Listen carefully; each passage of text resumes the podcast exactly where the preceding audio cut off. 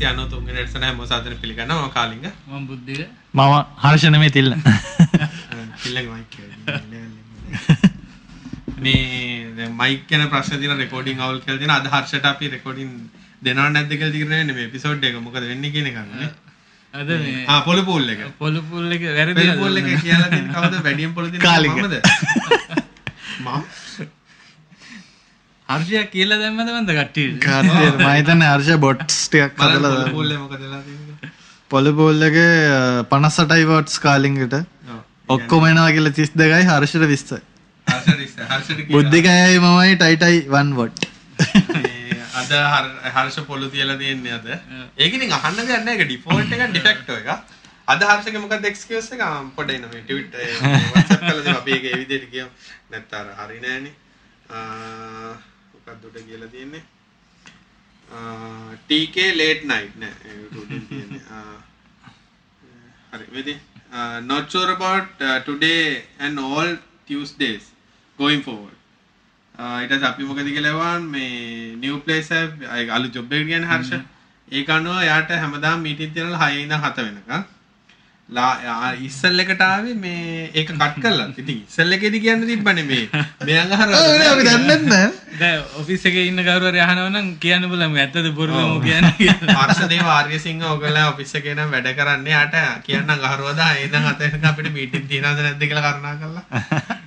ඒක නිසා සදා පොළුවෙයි ඒකට හේතුව තමයි මේ දැන් අපි අපිට වෙන දවසක රෙකෝඩින් එක දාන්න පුළුවන්. අපි නොදා ඉන්නේ මේ එදාට හර්ෂට මාක් කර එකක් කියයි මා මේමයි මට කක්ක බර හැදුනා. එදාට ඔය ඔය මැසේජ් එකම දවස වෙනස් කරලා දැන් ඉස්සල ඔෆිස් එකේ දැන් ඉස්සල මොකක්ද අර ජුඩ්ඩ මියුසික් එකේ නීටේ? ඒක ඉන්න කාලේ තිබ්බ ප්‍රශ්න තමයි හැමතිස්සෙ රට යනවනේ හැබැයි රට යනවා කියලා දැන් ට්විට් එකක් දාලා මම දැන් බලන්න ඉන්ස්ටාග්‍රෑම් එකේ ලයිව් ඉඳලා මොකද්ද ප්‍රෝග්‍රෑම් මම බැලලා දැන් ඔබ රට ගියා. නෑ නෑ අද රැට්ල යන්න. එයාගේ සුරංගනා කතා ගොඩක් කියනවා ආ තිල්නා ඊට පස්සේ සදා පොළුනේ. එන්න ට්‍රයිකක් දෙන්නන්න ෆෙයාවෙල් පොඩ්කාස්ට් තිල්නා අපේ කැංගරු නැට්ටක් සඳහා මේ ඕස්ට්‍රේලියාව බලා පිටත් වෙලා යනවා. මේ ඒක නියමාතල් එක තමයි කවුරුත් දැනන් ඉඳලා මම දන්න මමත් දැනන් හිටලා මමත් දැනගත්ත ළඟදී. නෑ ඇතරම්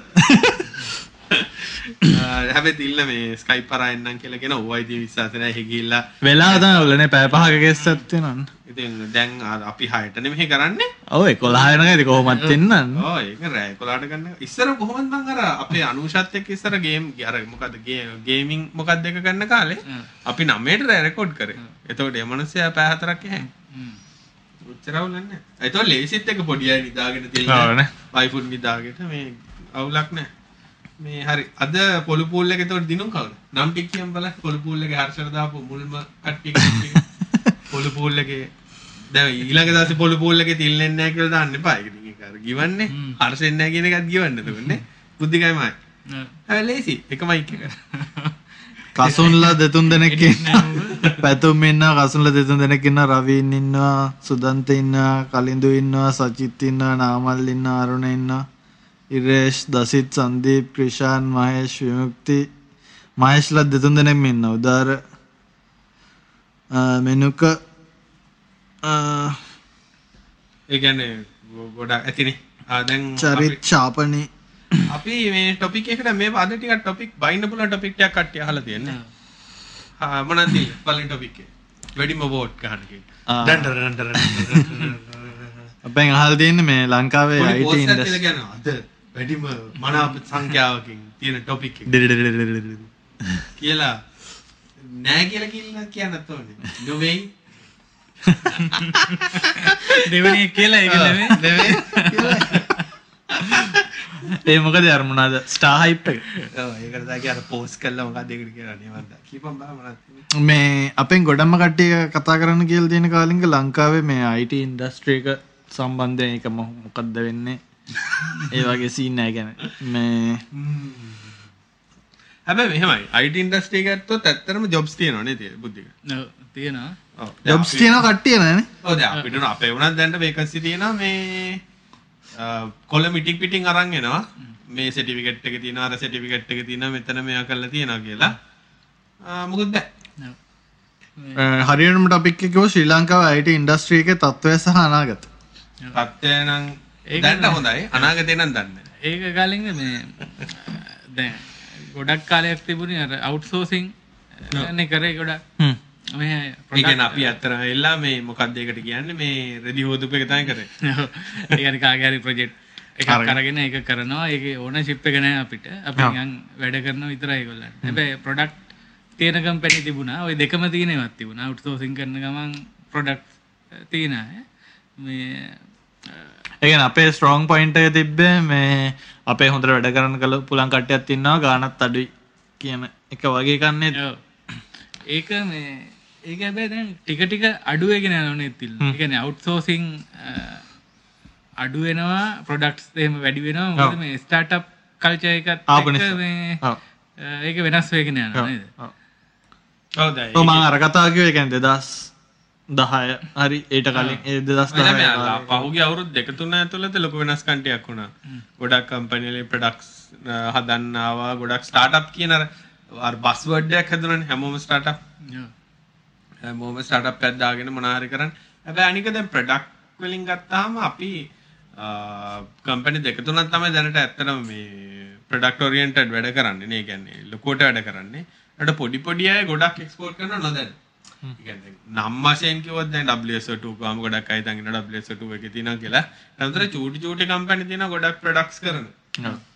ඉරි අර ඒක නිසා මේ ජොබ් හොයන්න බැරිකම අපි ගිය සතියේත් කතා කරා මේ ජොබ් ප්‍රශ්නේ හින්දානේ ඔය IT ඉන්ඩස්ට්‍රි එක අහන්නේ ගොඩක් කට්ටිය. ඉතින් ඉන්ඩස්ට්‍රිය හොඳයි. ඉන්ඩස්ට්‍රිය අවුලක් නැහැ. ඕනම කම්පැනියක් ගත්තොත් IT ජොබ් එකක් දැන් හැම කම්පැනි එකම වගේ තියෙනවනේ. ඔව්. ඒ කියන්නේ ITම කම්පැනියක් වෙන්න අවශ්‍ය නැහැ. ඔව්. අනිත් එකක වුණත් IT එක ඩිපාර්ට්මන්ට් එකක් තියෙනවා ගොඩක්. වෙලාවට අඩු ගානෙක් කෙනෙක් දෙන්නෙක් හරි ඉන්නවා. ඔව් දැන් බැංකුවක් ගත්තාත් එහෙම නැත්නම් දැන් බැංකුවලත් ඇතුලේ IT ටීම් ගොඩක් ඉන්න ඉන්ටර්නල් ඩෙවලොප්මන්ට් කරන්න. ඒතකොට බැංකුවල වැඩ කරන අය ඉන්නනේ. කොහොමද පුතා වැඩ කරන්නේ බැංකුවේ? ඒතකොට IT කියලා ඒව ටිකක් මම හිතන්නේ එක්ස්පෑන්ඩ් උත් වෙනවා නේ. කියන්නේ කලින්ට වඩා ෆාස්ට් ඒ කියන්නේ බැංක් බැංකු මූව් වෙලා තියෙනවා ඩිජිටල් මේ පැත්තට. ප්‍රොඩක්් කරගෙන යන කරගෙන ඒ වගේ මේ අඩු ගන්න එහෙමත් පොඩි ට්‍රෙන්ඩක් තියෙනවා නේද? අර අවුට්සෝස් කරනවට වඩා තමන්ගේම ටීම් එකක් හදනවා කියන එකත් පොඩි ඉස්සරට වඩා වැඩි ගතියක් දැනෙනවද? ගතියක් තියෙනවානේ කොහොමත් ඒ කියන්නේ දැන්. දැන් උදාහරණයකට ටකස් එක ගත්තොත් එහෙම අපි කිසිම ප්‍රොඩක්ට් එකක් පිටින් කරන්නේ හ්ම්. ඒ කියන්නේ ගන්න බැරි කමක් නැහැ නේ ඒ කියන්නේ අර දැන් සාමාන්‍යයෙන් ගත්තොත් එහෙම ගොඩාක් මේ වගේ කම්පැනි යැපෙන්නේ third party solution.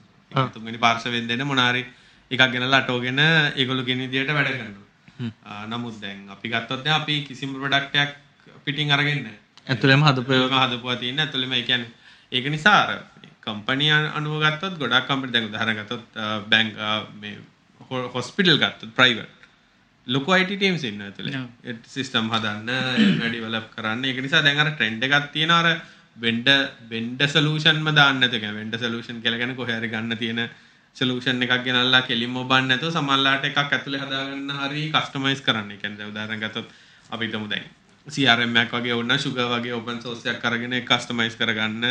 එහෙම නැත්නම් Microsoft solutions තියෙනවා නම් ඒ කියන්නේ දැන් මොනවාද බුද්ධික තියෙන්නේ Dynamics වගේ ඒවා අරගෙන ඇතුලේ කස්ටමයිස් කරගන්න. ඒ වගේ ගොඩක් මේ තියෙනවා. ඒක නිසා ජොබ් වලට අ, ම- මම දැන් උනත් දකින්නේ දැන් උනත් කියන්නේ මේ කට්ටියක තියෙන ප්‍රශ්නේ මේ ඉන්ඩස්ට්‍රිය ප්‍රශ්නයක් නෙමෙයි තියෙන්නේ කට්ටියට වැඩ බැරි එකයි ප්‍රශ්නයකට තියෙන්නේ.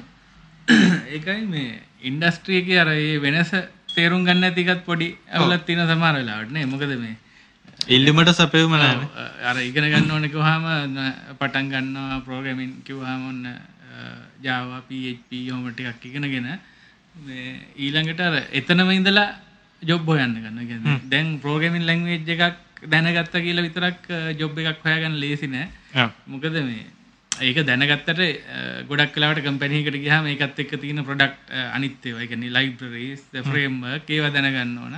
එතකොට ලැන්ග්වේජ් එකේ තියෙන ඉම්පෝටන්ස් එක අඩු වෙනවා පොඩ්ඩක්. අනික ෆන්ඩමෙන්ටල්ස් බැරි එක තමයි මම දකින්නේ ගොඩක්ම ප්‍රශ්න උදාහරණ ගත්තොත් අපේ දැනට ඉන්න ඉන්ටර්න ඉන්ටර්න් ට්‍රේනින් ගත්ත මම ඒ කියන්නේ මල්ලි කෙනෙකුත් නේ පුතෙක් වගේ එකෙක් අයි දැන් යුනිවර්සිටි අවුට් වෙච්ච වගේ ලෙවල් එකේ ආ, ඇත්තම කතා කරගොත් අහුවත් දෙයක් දන්නේ නැහැ. ඒ කියන්නේ මේ යුනිවර්සිටි ගිහලා ඩිග්‍රියක් කරන එහෙම ඒ කියන්නේ ඒ ලෙවල් එක ගිහලා ඒ කියන්නේ ආ ඒගොල්ලෝ දන්නේ අර කෝඩ් ලියන එක විතරයි නේද? ඒ කියන්නේ කෝඩ් ඒ කියන්නේ Java දන්නවා Java වල කෝඩ් ලියන්න දන්නවා ඇයි ලියන්නේ මොකටද ලියන්නේ මොතැනට ලියන්නේ මොනාටද ලියන්නේ කියන එක දන්නේ.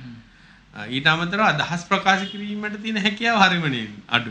ඒක ඒක මේ ජෙනරේෂන්ම ප්‍රශ්නයක් හැටියට මම දකින නිකන් තමන්ගේ ප්‍රශ්නයක් හරියට පැහැදිලි ඉදිරිපත් කරන්න තේරෙන්නේ. තමන් දන්න දේ දැන් අපි ප්‍රසන්ටේෂන් දීලා තියෙනවා දැන් උදාහරණයක් ගත්තොත් එයාට ප්‍රසන්ටේෂන් තියෙනවා මාසෙට සතියට එකක් දෙනවා ප්‍රසන්ටේෂන් එකක් කරන්න කියලා. දන්නවා සමහරලාට ඒක අදහසක් වශයෙන් ප්‍රකාශ කරන්න තේරෙන්නේ. ඊට පස්සේ ෆන්ඩමෙන්ටල්ස් කිසි දෙයක් දන්නේ නැහැ. ඒ කියන්නේ බේසික් ෆන්ඩමෙන්ටල්ස් මුකුත් නැහැ. ඉතින් ඒ වගේ වුණාම වෙන්නේ බුද්ධික අර දැන් මම කිව්වොත් එහෙම යාට මේ මට මෙහෙම ඇප්ලිකේෂන් එකක් හදලා දෙන්න කියලා මොකක් හරි කකටවල දෙයි. ඒ කියන්නේ ෆන්ක්ෂනැලිටි පැත්තෙන් සහ ඩිලිවරබල් පැත්තෙන් ප්‍රශ්නයක් නැහැ. නමුත් ඇත්තටම අපි කන්සෙප්ට් එකක් විදියට ටීම් එකක් විදියට මොකක් හරි අලුත් ටෙක්නොලොජි එකක් ඇඩප්ට් කරන්න හරි තියෙන එකක් චේන්ජ් කරන්න හරි කිව්වොත් එහෙම දන්නේ ඒකට ගොඩාක් කලාවක් කාලයක් ගත කරනවා. ඔව් අනික ඉගෙන ගන්න කියවන එක හරිම නිල් මේ ජෙනරේෂන් එකේ. දැන් උදාහරණයක් ගත්තොත් මොකක් හරි එර එකක් ආවොත් ඒක Google කරලා හොයලා බලලා ප්‍රශ්නේ කියවලා බලන්නෙම නැහැ. ඒක මාරම ඒ කියන්නේ. ඒ කියන්නේ මම සාමාන්‍යයෙන් හය කරන මට ප්‍රශ්නයක් නැහැ වැඩේ බැරි වුණාට. මම බලන්නේ මොකක් හරි වැඩක් තියෙනවා නම් කරගෙන යන්න. කරගෙන යන්න සහ ඒක ගැන හොයලා බලලා මොන හරි කරන්න පුළුවන්. මොකද අපි හැමෝම ඉන්නේ හැමදේම ගැන දැනගෙන ඉන්න එකක් නෙමෙයිනේ. කියන්නේ මොකක් හරි ප්‍රශ්නයක් වුණොත් Google කරලා හරි මොන හරි කරලා කියන්නේ දැන් කිසිම වැඩක් බෑ කියලා බැරි වෙන්න විදිහක් නැහැ නේ. මොකක් හරි ක්‍රමයකට ඒක විසඳන්න පුළුවන්. මොකක් හරි මේ දැන් මම මේ මුලින්ම ආපු ගමන් කිව්වා මේ අපේ රේඩ් නැතුව ඉන්ස්ටෝල් කරපු installation එක රේඩ් කරන්න කියලා. software රේඩ් කරන්න. බෑ කියලා ගයි. ඒකක් නෑ. උඹට ඕන්නම් කරපන් වගේ. පස්සේ ආව මොකද අර රේඩ් එකට උනේ? ආයි කරන්න බෑනේ. කරන්න. කරන්න ක්‍රමයක් නැහැලු. ඊපස්සේ කුණාරප දෙයක් කියලා බැලලා මෙයා කරාට පස්සේ ඔන්න කළා කළා දීපා. අන්නේ වගේ කියන්නේ අර කියන්නේ අර වැඩක් දුන්නාම මේක අර ඇඟිල්ලෙන් එන එන පුතේ කාපන් පුතේ කාපන් අන්නේ වගේ ලෙවල් එකට අර ඔෆිස් එකේ ඌ වෙලාවට එක් කතා අහන්නෙත් නැතුව ඇති නේ. හොඳ වෙලාවට අහන්න. ඌ ටෙක් කරන්නේ අද මං අර මේ ඕක කිව්වම මතක් වෙන්නේ ඉගෙන ගන්නත් ක්‍රම තියෙනවනේ බුද්ධ එක. දැන් YouTube ගත්තොත් එහෙම අර මේ කම්බුලේ හොට සින්දු අහන එකට අමතරව සහ මෝඩ විකට ඒවා බලනට අමතරව ඉගෙන ගන්න දේවල් ඒක ඕනට රාදිනවා. දැන් අද මම කරපැඩේ මේ ස්ටැම්ෆර්ඩ් එකේ තියෙන ඇත්තටම ස්ටැම්ෆර්ඩ් යුනිවර්සිටි ගියාම ඇත්තටම ස්ටැම්ෆර්ඩ් එකේ කම්පියුටර් ඩිග්‍රී එක ගන්නකොට ඇත්තටම කම්පියුටර් ඒ කියන්නේ ලෙක්චර්ස් ටික රෙකෝඩ් කරලා තියෙනවා. ඊට පස්සේ මං කරපැඩේ ලින්ක් එකක් දුන්නා මේක බලන්න කියලා. ඊට පස්සේ ඒකේ ස්ටඩි පේපර් එකක් වෙනම ස්ටැම්ෆර්ඩ් සයිට් එකෙන් ඩවුන්ලෝඩ් කරන්න. ඒ ඔක්කොම ටික දුන්නා. ආ මේක උගල්. එච්චරයි. ඒ කියන්නේ අර දැන් අද කාලේ දැන් දැනුම වැඩි කරගන්නනේ අපි උත්සාහ කරන්නේ. දැන් ඉන්න ජෙනරේෂන් උත්සාහ කරන්නේ කොළ වැඩි කරන්න. ආ මට මේ CCNA තියෙනවා මට බිට් තියෙනවා මට මේක තියෙනවා අරකද. ඉතින් ඕක වෙන තමයි ඉන්දියාවෙන් ගේන්න හදන මිනිස්සු. ගොඩක් කලාට අර ඉගෙන ගන්න උනන්දුද නැද්ද කියලා බලන්න පුළුවන් YouTube ෆීඩ් එක බැලුවා. සජෙෂන්. එන්නේ කොහොමද බැලුවා හිතා ගන්න මට සජෙෂන් එන්නෙම නැහැ මොකද YouTube බලන්නෙම නැහැ. නෑ මං ඒ උදාහරණයක් ගත්තට ඔය හැමෝම එහෙමයි. ඒ කියන්නේ IT field එකේ විතරක් නෙමෙයි බුද්ධික මේ overall workforce එකම ඔහොමයි. ඔව්. මේ කාලික දැන් මට දැනෙන විදිහට මේ දැන් ඔය දැන් අපිට පැහැදිලිව නිකන් ජෙනරේෂන් දෙකක් තුනක් කියන්න පුළුවන් මේ IT ෆීල්ඩ් එකේ දැන් ඉන්න කට්ටිය බැලුවහම දැන් පල්ලෙහාම ජෙනරේෂන් එක අලුත්ම කට්ටියගේ පොඩි අවුලකට පේන්නේ මේ දැන් මේ අපි ඉස්සර ඉගෙන ගන්නකොට කරන්නේ ප්‍රෝග්‍රෑමින් වල බේසික් ඉගෙන ගන්නවා එහෙම. හැබැයි දැන් වෙනස් වෙලා තිනවා. يعني ලෝකෙත් වෙනස් වෙලා තිනවා. දැන් අ, හිතන්නකෝ අපිට තමන්ගේ මොකක් හරි වෙබ්සයිට් එකක් හරි මොකක් හරි කරගන්න ඕන නම් ඒ බේසික් ඉගෙන ගන්න ඕනේ නෑ. අර ඉගෙන ගන්න ඕන මොකක් හරි ඔය CMS එකක් හරි මොකක් හරි එකක් Frameworks එක්ක තියෙනවා. ඒක වැඩ කරන්න ඊළඟට cloud එකේ සර්වර් එකක් හදලා host කරන්න ඔය වගේ බේසික් ඒවා ටිකක් තමයි දැනගන්න ඕනේ. හා. හැබැයි අර ප්‍රොෆෙෂනල් කැටගරීකට එන්න ඕන කට්ටිය ඉන්නවනේ. ඒගොල්ලොත් කරන්නේ අර ටික ෆලෝ කරන එක. ඒ එතන අවුලක් තියෙනවා. මොකද මේ දැන් ඔය කියපු ක්‍රමේ සාමාන්‍යයෙන් තියෙන ප්‍රොඩක්ට් එක වැඩ කළා එහෙම නිකන් උඩින් වැඩ කරලා තමන්ගේ වැඩක් කරගන්න ඉගෙන ගන්න එක හොඳයි IT වලට ඒ කියන්නේ IT තමන්ගේ වැඩට පාවිච්චි කරන කට්ටිය ඉන්නවනේ. ඒගොල්ලන්ට. එහෙම නැතුව IT ප්‍රොෆෙෂනල් කෙනෙක් වෙන්න හදනවා නම් අර බේසික් ටික ඔක්කොම තියෙනවා නම් මොකද ඒවා ඉගෙන ගත්තා කියලා මේ අර ඒකෙන් අලුත් ඒවා තියෙන ෆ්‍රේම්වර්ක් ප්‍රොඩක්ට්ස් ලේසියෙන් කරන්න තියෙන ඉගෙන ගන්න බාධාවක් වෙන්නේ නැහැ කොයි වෙලාවකත්. ඒක එකක් තමයි ඒක ඒ කියන්නේ ඔය ඕන එකක් දැක්කහම ඒක වැඩ කරන්නේ කොහොමද? ඒක එක එක ලේයර්ස් වලදී වැඩ කරන්නේ කොහොමද? ඔක ඔපරේටින් සිස්ටම් එකක් දක්වා යනකම් වැඩ කරන්නේ කොහොමද කියන එක තමන්ට මතක් වෙනවා. අර බේසික් තියෙනවා. එහෙම අනික තමන්ට හරියානම දේ තෝරගන්නත් ඒක ලේසියක් වෙනවානේ නැත්නම් අපි ඔය දකින්නම් වාලේ මේක හොඳයි මේක හොඳයි කියලා දාන්න නැතුව ඇත්තටම මේකෙන් වෙන්නේ මොකද්ද? මේකේ ප්‍රෝස් කොන්ස් මොනවද කියලා අපි ඇත්තටම දන්නවා ඒක. මේ ෆන්ඩමෙන්ටල්ස් දන්නවනේ. දන්නවා. ඒ අලුත් එකක් ඉගෙන ගන්න උනත් ඒක සෑහෙන ප්‍රයෝජනවත් වෙනවා. මොකද අර ඒ කියන්නේ අන්තිමට මේක එක්සිකියුට් වෙන්නේ කොහොමද? ඒ කියන්නේ කෝඩ් එකක් ලියුවාම ඒක මැනේජ් වෙන්නේ කොහොමද? රන් වෙන්නේ කොහොමද? ඒ ඔක්කොම ටික දන්නවනේ. එහෙම දන්න දැනගෙන ඉන්නකොට ඕනි දෙයක් ඉගෙන ගන්න ලේසි මේ ඒක තමයි මේ දැන් අලුත් එකක් ආවත් බුද්ධික ඒ වෙලාවට අර ෆන්ඩමෙන්ටල්ස් දන්නවනේ එර එක අයිඩෙන්ටිෆයි කරගන්න ලේසි. ඒ කියන්නේ එකක් අහම මොකද ආවේ කියලා අක්කට අඩු ගානේ තේරුම් ගන්න පුළුවන් වෙන්න. ඔව්. ඉතින් ඒක මට ගොඩක්ම තේරෙන යන මිනිස්සුන්ගේ දැනුම හරි මාල්පයි කියලා මේ ගිය පාරල් වෙච්ච VPN වලින්. ඒව ගැන මිනිස්සු හිතන් ඉන්න දේවල්. ඒ කියන්නේ IT ඉන්ඩස්ට්‍රි එකේ ඉන්න අයම VPN ඉන්ස්ටෝල් කරලා ඒව ගැන ලියලා තියෙන විස්තර දැක්කාම ඒ කියන්නේ හොඳටම තේරෙනවා මේ ඒ කියන්නේ කිසිම අයිඩියා එකක් ඇතුව කියන කතා නෙමෙයි කියන්නේ කියලා. ඒක අර ඒ කියන්නේ ඒක නිකන් අර බ්ලොක් කරාට පස්සේ පහුගිය දවස්වල උනේ ඒක VPN එකේ එක යූස් කේස් එකක් විතරනේ කට්ටිය කතා කරේ. ඒකම තමයි VPN කියලා හිතාගෙන එහෙම කතා කරපු අය හිටියා. එහෙම කතා කරපුවා අපෙත් හිටියා. ඒක ඒක.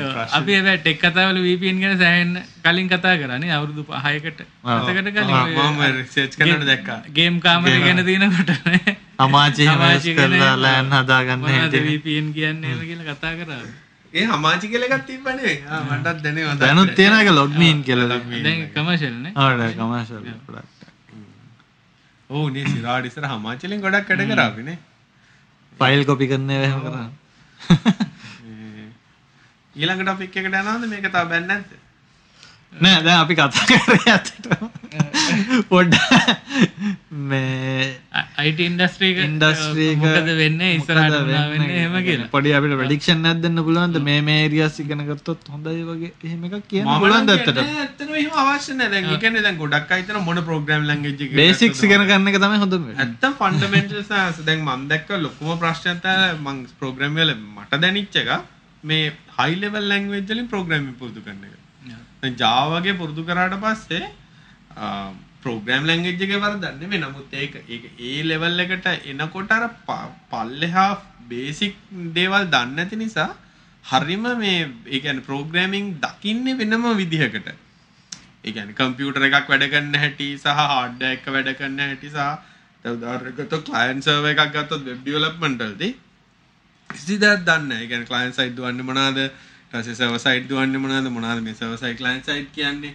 ඒ කියන්නේ ඒ ගැන කිසිම දැනුමක් නැහැ. නමුත් දන්නා මොකක් හරි එකක් ඇටුවහම මේ පැත්තෙන් පේනවා, මේ පැත්තේ බොහොම අර පැත්තට යනවා.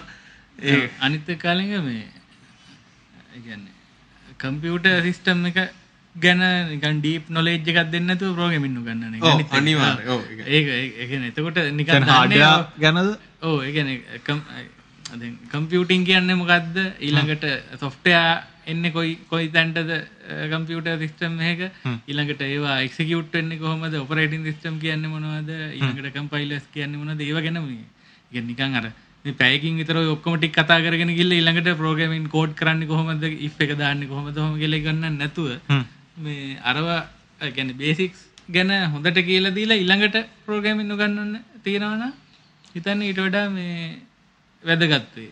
මොකද නැත්තම් අර මොනවා කළා ප්‍රෝග්‍රෑමින් ඉගෙනුවත් ඉගෙන ගන්න අර සින්ටැක්ස් ටික ඉගෙන ගන්නවා ඒ වගේ දෙයක්. ඊළඟට ඔව් ඒක තමයි වෙලා තියෙන්නේ. ඒ කියන්නේ ප්‍රෝග්‍රෑම් ලැන්ග්වේජ් ගැන අහන්නෙත් කට්ටිය එක මේ සින්ටැක්ස් මතක තියාගන්න. ආ මේක මෙහෙම කරන්න නම් මෙහෙම එකක් දාන්න. දැන් උදාහරණ ගත්තොත් එimhe සින්ටැක්ස් කතාව කතා කරා මොකක්ද අර අපි කිව්වේ? බින්ද 9 10 ඉඳන් එකට ලියන්න ඒ කියන්නේ print කරන්න කිව්වා loop එකක් නොදා. මොන ලැන්ග්වේජ් එකකින් හරි. මිනිස්සු ඉතින් දැන් මේක හිතන්නේ අර නිකන් අර එන්න ලොකු Nuclear. නියුක්ලියර්. ෆන්ක්ෂන් ලියන්න හදලා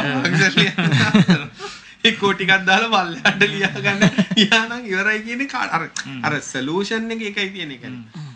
ඒක දෙයක් දකින්න හැමතිස්සෙම වෙන කොම්ප්ලෙක්ස් විදිහට ඒ කියන්නේ. දැන් ලොකුවට හිතනවා හරි ලේසියෙන් කරන්න පුළුවන්. මේ වගේ අර දැන් උදාහරණ ගත්තොත් දැන් ගොඩක් කෝඩ් ලියන ඒවා බුද්ධික ඔප්ටිමයිස් නැත්තෙත් ඒකයි. මිනිස්සුන්ගේ කිසිම දැන් ප්‍රෝග්‍රෑම් ලියන අය ගැන ඔළුවේ නැහැ මේ මේකට CPU සයිකල් මෙච්චරක් යනවා මේකට IO මෙච්චරක් යනවා මෙච්චර මෙමරියක් පාවිච්චි වෙනවා කියන එක ඔළුවේ නැහැ. ප්‍රෝග්‍රෑම් ලියන හැමෝම ප්‍රෝග්‍රෑම් ලියන්නේ මේ හැම රිසෝස් එකක්ම ඉන්ෆිනයිට් තියෙනවා කියලා හිතාගෙන. දැන් මේ අර ක්ලවුඩ් කැන තමන්ගේ කම්පියුටරේ හොඳට පවෆුල් කම්පිට හදලා සවරකට දාපුුවන් සවරක අබරල නෑ දැන් අර ඒකෙත් තර වෙලා දැන් ඒකෙත් එක ෆෝල් එකක් ඉතින් දකින්න විශේෂයෙන්ම දැන් වෙබ් සිස්ටම් අරාමය කරනකොට දාන්නේ ඇමර්සන් වගේනේ. බිල ගෙවන්නෙත් තව කෙනෙක්. ඒක නිසා අදාලන අදාළ නැහැ. රන්න නොකොමාරි. රන්න නකෝමාර. රිසෝසස් මදින තව වැඩි කරන්න කියලා ක්ලයින්ට් කියනවා. ආමකට තව මෙච්චරක් දාන්න කියලා. ඒ රන්න දැන් ඕක හොඳටම දැක්කේ මම හිතන්නේ තිල්ලට මතකද දන්නේ නැහැ. මම අර ක්වෙරි එකක් ලියනකොට අර එකම ක්වෙරි එක කීප විදිහක ලියනකොට එකම රිසල්ට් එක ගන්න එන වෙලාවක් බලලා අපි මොකක් හරි එකක් ළඟදී විහිළුවට රණ්ඩු කරගත්තා නේද කියන්නේ එකම රිසල්ට් එක අර ක්වෙරි ඔප්ටිමයිසේෂන් කොච්චර වැද- වැදගත්ද කියලා SQL වල. ඒ කියන්නේ එකම රිසල්ට් එක තප්පර 4 ඉඳන් මිලිසෙකන්ඩ් ගාන වෙනකන් ගේන විදිහ විශේෂයෙන් ජොයිනර්ස් වගේ පාවිච්චි කරනකොට ඒ කොහොමද කරන්න ඕනේ. ඒව හරි වටිනවා. දැන් සමහරලාට සිලෙක්ට් ඕල් එකක් ගහලා ස්කේල් ක්වෙරි එකක් ලිව්වාම අර මෙමරි එකට අනවශ්‍ය ඔක්කොම ලෝඩ් කරගන්න. ඒ වගේ අර පොඩියට හිතෙන්නේ සිම්පල් දේවල්ලින් ලොක ෆෙක්ටක් වෙන්න වෙන්න පුළුවන් පුළුවන්. ඒ කියන්නේ ඒ බොටල් එක ඒ වගේ දේවල් ලෙවල් එකට අර එහෙම එකක් තියෙනවා කියලා දන්න එකත් වටිනවා. ඒ කියන්නේ මේ මම ලියන ක්වෙරිය ලිව්වට කමන්නේ චොර විදිහට. මේක චොර කියලා තේරෙනවනේ. ඒකත් වටිනවා. ඊට පස්සේ හොයන්න බලවන සොලූෂන් එක ඔව්. මේ දැන් ඕගැන කතා කරද්දි මට මගේ ෆිල්ඩෙන් පොඩ්ඩක් කියනකොට දැන් හිතන්නකො මේ තමන් කරන්න වෙබ් ඩීවලොප්මන්ට් ඩිසයිනින් කියලා ඊට පස්සේ තමන් තමන්ට කිසිම පාඩුවක් වෙන්න ගැන්නේ කෝඩිං පැත්තත් ගැන් ෆ්‍රන්ටෙන් ඩිවලප්පන්නම් විතරන්නංවා කරන්නේ. බැක්කෙන්් දේවල් එක්ක පිේෂ් විහරි මයිස්කවල් ගෙන ගෙන ගන්නේ කවදවත් පාඩුවක් වෙන්නන ඒකෙන් තමන් දැන් වැඩගන්න තැනටත් තමන්ගේ වැලිුව එක වැඩියෙනයක ගැ තමන් තමන් ඇසට්ටක් කන වැඩගන්න තැනටත්. ඒ විදිහට ගැන එතකොට තමන්ට තියෙන ජොබ් චිල්ලට වෙච්චදගෙන කියන්න. නෑ ගැන එක සාමාන්‍ය දෙයන්නේ දැන්. කියන්නේ එකම තැනක විතරක් ඉන්න නැතුව ඒක එක්ස්පෑන්ඩ් කරගන්න ඕනේ තමන්ගේ මේ නොලෙජ් එක. තව එකක් කලින්ග මේ අයිට ඉන්ඩස්ට්‍රීක පොඩි දැන් ට්‍රෙන්ඩ් එකක් තිනනද IoT අ, පැත්තට ගැන. දැන් කලින් සොෆ්ටයා කියලා ගැන අපි හදන්නේ සොෆ්ටයා විතර ඒ වගේ තැනක හිටපු අය IoT වලට මාරු වෙනවාතකොට ඩිවයිස් එක්ක වැඩ කරන්න ගන්නවා. ඒ වගේ ට්‍රෙන්ඩ් එක උත්තින නේද? ඔව්. දැන් IoT කියන එක අර බස්වර්ඩ් එකක් නේ. cloud. ඔක්කොම වගේ IoT. AI. AI දැන් අසල බස්වර්ඩ් එක තමයි IoT.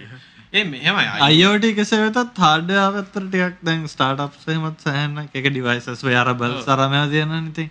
ඒක මේ ඒවට තියෙනවා. ඔව් තිල්ල මේ මහිතන්නේ අර ඒකේ ඒ ඒගැන කොතන්ට මූ වෙන්න කියන ඩිසිෂන් එක ගන්න බැරුවත් ඉන්න සමහරු තමරු අයිෝට කිවහම හිතගන්න අර ඒගොල්ල ඩිවයිස් එක්කම වැඩ කල්ලා එතන ඉදම් පටන් අරගෙන ඔය මුළු අයිෝට සූට් එකක්ම හදන්න ඕන ඒවා වැඩ කරන්න ඕන ලෙහෙම නෑ. එකන සොෆ්ටයා ඩිවලොප් කරපු අයට අයිෝට ඉන්ඩස්ට්‍රීකට යන්න තැන්කීපයක් තියනවා. එකක් තමයි මේ එන්ඩියස ඇපලිකේෂන් වලටම යනව කියලා හිතන්න.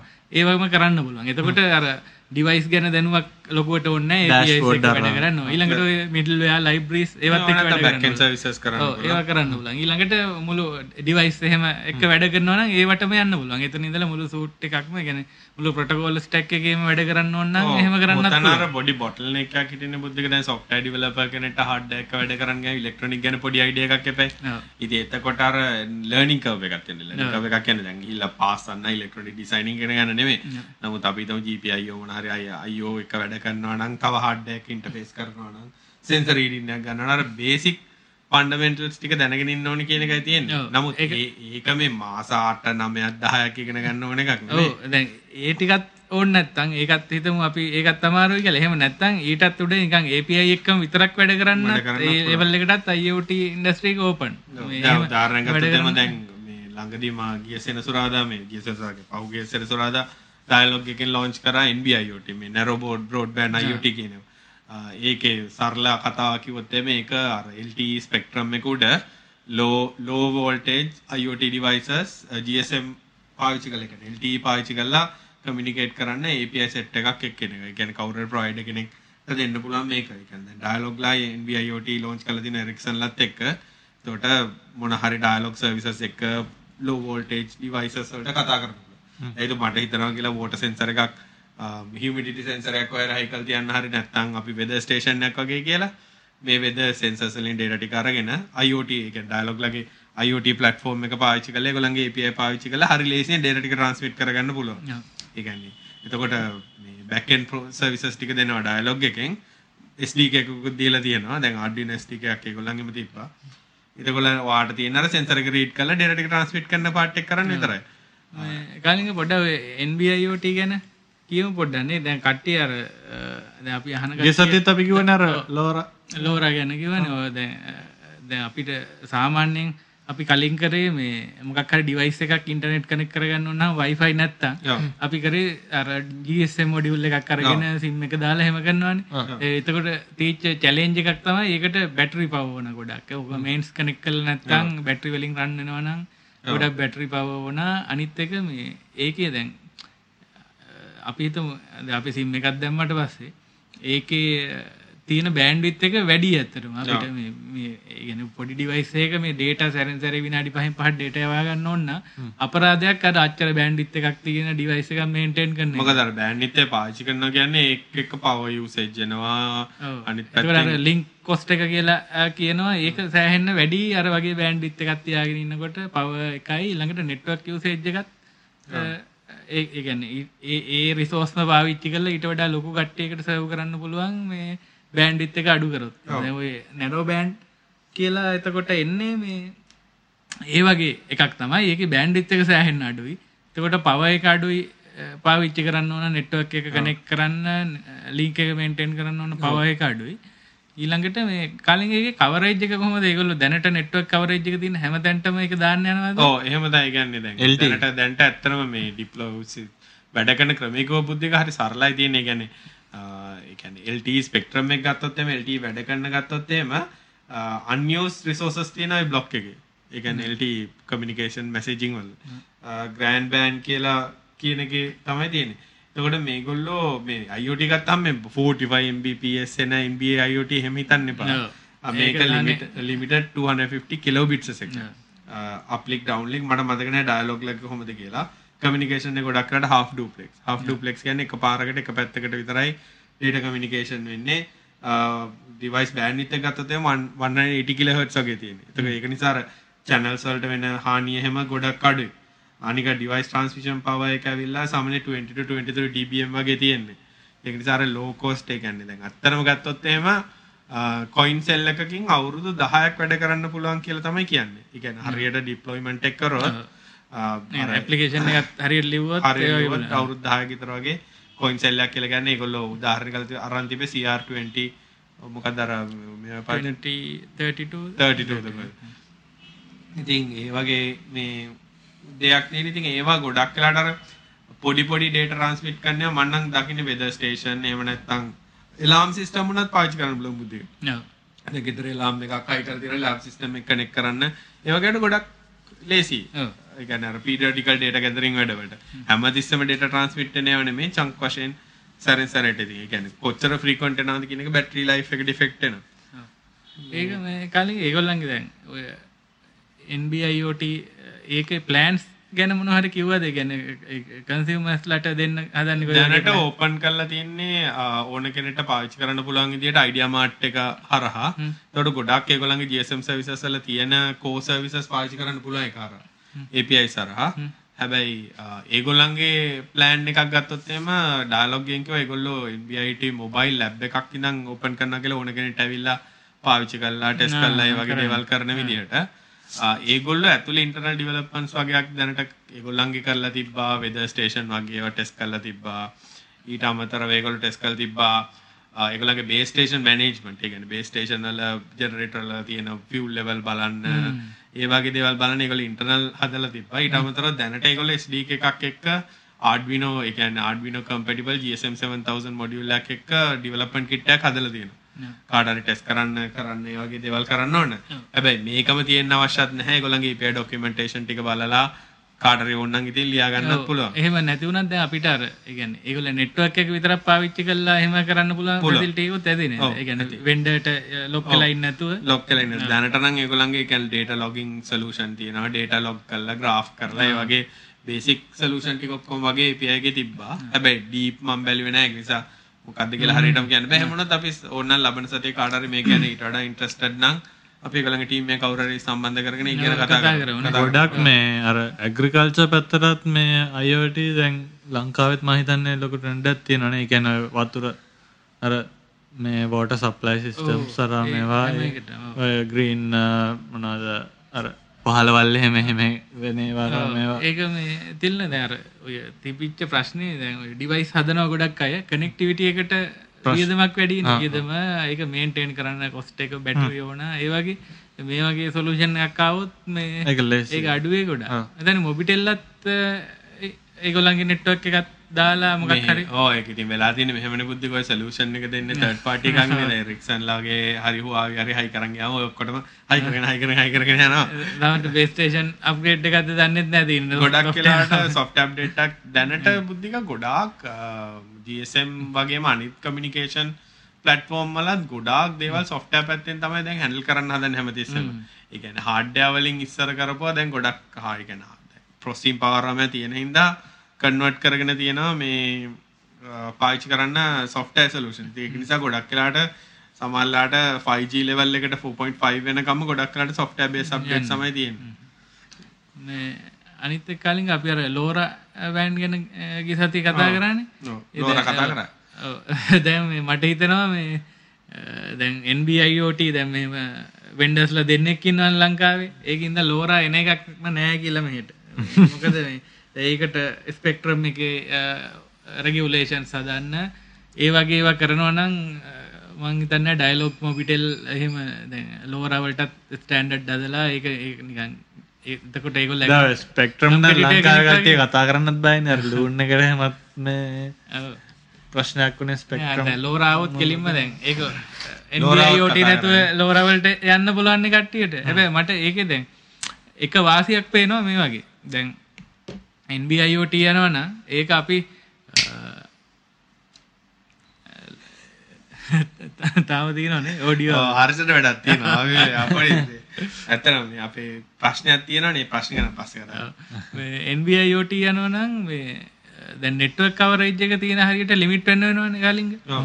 දැබැ ලෝරවල ඊට එහා එකක් තියන්නේ මොකද අපි තමයි ගේට්ව එක මේන්ටේන් කරන්න ඉන්ටනෙට් තියන තැන ඉදන් ගේට්ය ගෙතනිද තාවන්නේ කිලෝමිට විස්සක් වගේ යනකං ඩිවයිස් එකකට පුළුවන් ගේට්ව එකත් එක කමියනිකේට් කරන්න. එමොද අර වෙලා තියෙන බුද්ධික සිකියුරිටි පැත්තෙන් ගත්තොත් එහෙම ලෝරා වල සිකියුරිටි අපි මැනේජ් කරගන්න වෙනවා. ඒ කියන්නේ ඒක අර කමියුනිකේෂන්. එක- ලෙවල් එකකට තියෙන මොඩියුලේෂන් එක මොක ප්‍රොපයිටර් නිසා ඊට උඩ අපි සිකියවරිටි මේන්ටේන් කරන වල වැදගත්කම තියෙන්නේ තමන්ගේ ඩිවයිස් එකේ තමන්ගේ ඩිප්ලොයිමන්ට් එකේ සිකියුරිටි බල වෙන්නේ ඇත්තටම නෙට්වර්ක් එකේ තියෙන සිකියුරිටි ගන්න. නෙට්වර්ක් එක කියලා කියන්නේ නැත්නම් ඩයලොග් අත ඩයලොග් ලගේ කොහොමද නෙට්වර්ක් එකේ සිකියුරිටි ඉම්ප්ලිමන්ටේෂන් කරලා තියෙන ගන්නව තමයි ඩිපෙන්ඩන්ට් ගොඩක්. ආ, ඒක නිසා අර සමහරලාට ලේසියෙන් කවුරු හරි සිකියුරිටි ගැන දැනුමක් නැති කෙනෙක්ට ඇප්ලිකේෂන් එක ඩිප්ලොයි කරනවා නම් ගොඩක් වෙලාට NB-IoT වගේ පාවිච්චි කරන එක ලේසි වෙයි කම්ප්ලයින්ස් පැත්තට මේ ලෝර වගේ එකක් පාවිච්චි කරලා තමන් සිකියුරිටි මැනේජ් කරනවා. ඔව් ඒකයි හැබැයි ඒකෙත් ආයි ප්‍රශ්නේ තියෙන්නේ මොනවාද ඕකේ ට්‍රාන්ස්මිට් කරන්න කියන ගන්න. දැන් උදාහරණයක් ගත්තොත් වෙදර් ස්ටේෂන් එකක් අරගෙන මෙතන එක 23යි කියන එක සිකියුරිටි අවශ්‍ය නැද්ද කියන එක. ඕපන්ද කියන අනිත් එක මේ ලෝරාවල ගත්තාම කලින්ග දැන් NB-IoT නම් අපි නිකන් තියෙන ඉන්ටර්නෙට් ප්‍රොටෝකෝල් ස්ටැක් එකේමනේ යන්නේ ලෝරා වල වෙනම එකක් තියෙන. ඒකේ වෙන ප්‍රොටෝකෝල් ස්ටැක් එකක් තියෙනවා. ඊළඟට IP පැත්තට ආවට පස්සේ තමයි ගේට්වේ එකේ ඉඳලා තමයි අනිත් IP ස්ටැක් එකට මාරු වෙන්නේ. ඒකින්ද මේ පොඩ්ඩක් ඒක අර ඉම්පලිමෙන්ටේෂන් අමාරු වෙයි. මේ හැබැයි ලොකු මේ අ, නිකන් අර ඕපන් සෝස් ප්‍රජෙක්් තින බැක් කරන්න ස්ටන්ඩ් එකට ගොඩක් ඕනි තැනක ගෙන හැම ඩිවයිස එකට මෙහෙම තිනවා දැන් මට නික එක යුස්කේස එකක් මතක් වුණා. ඒක මේ දැන් අපි NB-IoT වලත් ඒකට සොලූෂන් එකක් තියෙනවද දන්නේ නැහැ. අපි තුම අර අලින්ට අර කොලර් එකක් දානවනේ කලින්. ඒක ඒක අපි හිතමු ට්‍රාන්ස්මිට් කරන්න හදනවා කියලා. දැන් සාමාන්‍යයෙන් නෙට්වර්ක් කවරේජ් නැහැනේ කැලේ ඇතුළට ගියාට පස්සේ මේ peer එහෙම බෑනේ. මං තේරෙන බුද්ධි කියන්නේ නැහැ නේ අලියගෙන් අලියට යන්නනේ. එහෙම බෑ. එහෙමනම් මෙහෙමයි.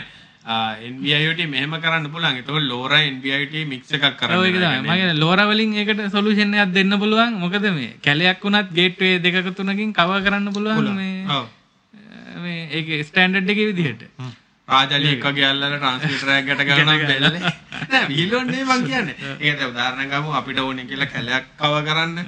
රාජාලි හරි මනාර කුරුල්ල උඩින්තිය යෝකගන්න ඒගන්න ඕගේ බෙල්ලට ඇතර මුංග ට්‍රැක් කරන්න හයිකන ට්‍රැකින්න උගේ බෙල්ලට හයිකරොත්තේම ඉන්ඩියගට ප්ලස් ලෝර තියෙන එක. අලින්ට තියෙන ලෝර විතරක් නම්. අලි යවුඩින් යනකොට අලිය සිගනල් ලෝ රාජාලි අර රාජරය උඩ හින්ද මොබයිල් සිගනල් තියෙනට ප්‍රන්සිට් කරන ඕන සෝල පැනල්ල පිට එකට ගව සත්ත හින්දන උපරිප මොකද ඒ ගොඩක් විලොට ගන ඇත්තරම් මේ රාජ එක නර මේ ඉන්ඩේජට් ගන ඉන්න පක්ෂින්ට ඇත්තර ට්‍රැක සයි කරන එක නිකල කොහිට දෙයන්නේ මොනාද වෙන්නේ මොනාද අලින්ටත් ඒක තමයි කරලද ගොඩක් ඒව පාචි කරන බුද්ධිකර UH ෆ්‍රීකන්සි UHFල ට්‍රයිංගුලේෂන් තමයි ඒගොල්ලෝ පාවිච්චි කරන්නේ. කියන්නේ අලින්ටත් හයි කරන්නේ කොලර් එකේ UH ට්‍රාන්ස්මිටර් එක. ඒගොල්ලෝ ඇන්ටනා එක මෙහෙම ඩිරෙක්ෂනල් ඇන්ටනා එකක් අරගෙන කොයි පැත්තෙන් දෙන්නේ කියලා අරන් ට්‍රයිංගුලේට් කරනවා. කොන් එක තුන් තැනකින් අරගෙන හරිය තමයි අලියා ඉන්නේ කියලා. හැබැයි දැන් අවුරුදු 10ක බැටරි තියෙනවා නම් ලෝරත් වගේ හොඳට වැඩ කරනවා නම් සොලියුෂන් එක හොඳයි නේ. ඔව් ඒක තමයි. ඒ කියන්නේ IoT වලට යන එක හොඳයි ඒ වගේ එකකට සොලූෂන් එකකට නේ. ඕ ඒක හොඳ අයිඩිය එකක්. මේ පේට්නෙක් ගමටක් ගල් රාජලින්ට ට්‍රන්සිට ද අපේ අයගේ දන්න මේ බේකහන් ඉතල මේ චන්දිල්ලට අපි රාජාලින් හරහා වයිෆයි ලබා දෙනවා කියලා. මෙහෙම බෑද මේ ලංකාව මැද කුළුණක් ගහලා ලංකාවටම ලොර දෙන්න පුළුවලෝ දුන්න අර කවුද මොබයිල් නමාගමක් ඇවිල්ලා. මේ සුරංගන කතා. මේ ඊළඟට අපි කියව ගත්ත තිල්ල? මට ඔය අතර මේ ඔය තිල්ල ටොපික් එක බලන අතරේ මේ රාස්බෙරි පයි අලුත් වර්ෂන් එක කරලා තිනවා ප්ලස් එකනේ බුද්ධි කරන්නේ නෑ. ත්‍රී මොනවාද බුද්ධි රාස්බෙරි පයි ඩේ එක තිබ්බනේ මේ දවස් කීයකට කලින්? ඒක මේ පයි තුනයි එක දහතර. අර ගණන් වල පයි එක. 314 ඔව්. මේ ඒගොල්ලන්ගේ රාස්බෙරි පයි 3 එකට පොඩි අප්ග්‍රේඩ් එකක් ආවා. B+ කියලා. ඒ කියන්නේ රාස්බෙරි පයි 3 B නේ දැන් කියන්නේ B+ කියලා. සේම් GPU එක තමයි. අප්ග්‍රේඩ් කරලා තියෙන ඒගොල්ලෝ 1.4 වලට. එකම ඕවර්ක්ලොක් කරලා තියෙනවා. ඒ කියන්නේ පොඩක් වැඩි කළා ප්‍රොසෙසර් එක මේ බ්ලූටූත් version එක අප් කරලා ඔව් ඒකේ හීට් සිංක් ස්ප්‍රෙඩ් එකක් ඒගොල්ලෝ උඩට හයි කරලා තියෙන ඩයි එකට. ඒකට පොඩ්ඩක් වැඩිපුර මේවා වෙන්න. ඊට අමතරව මේ සහ Bluetooth Bluetooth low energy එක සහ 4.2 නේ. ඔව්. සහ Wi-Fi එක 5 GHz බෑන්ඩ් එකත් එක්කව කරලා තියෙනවා. Dual band. dual band 2.4 එකයි 5 GHz. ඒ ඩුවල් බෑන්ඩ් කතාවන්න ටික වටිනවා. ඔව් ඒක වටනවා. ඊට අමතරව USB Ethernet එක ගිගබිට් කරලා තියෙනවා.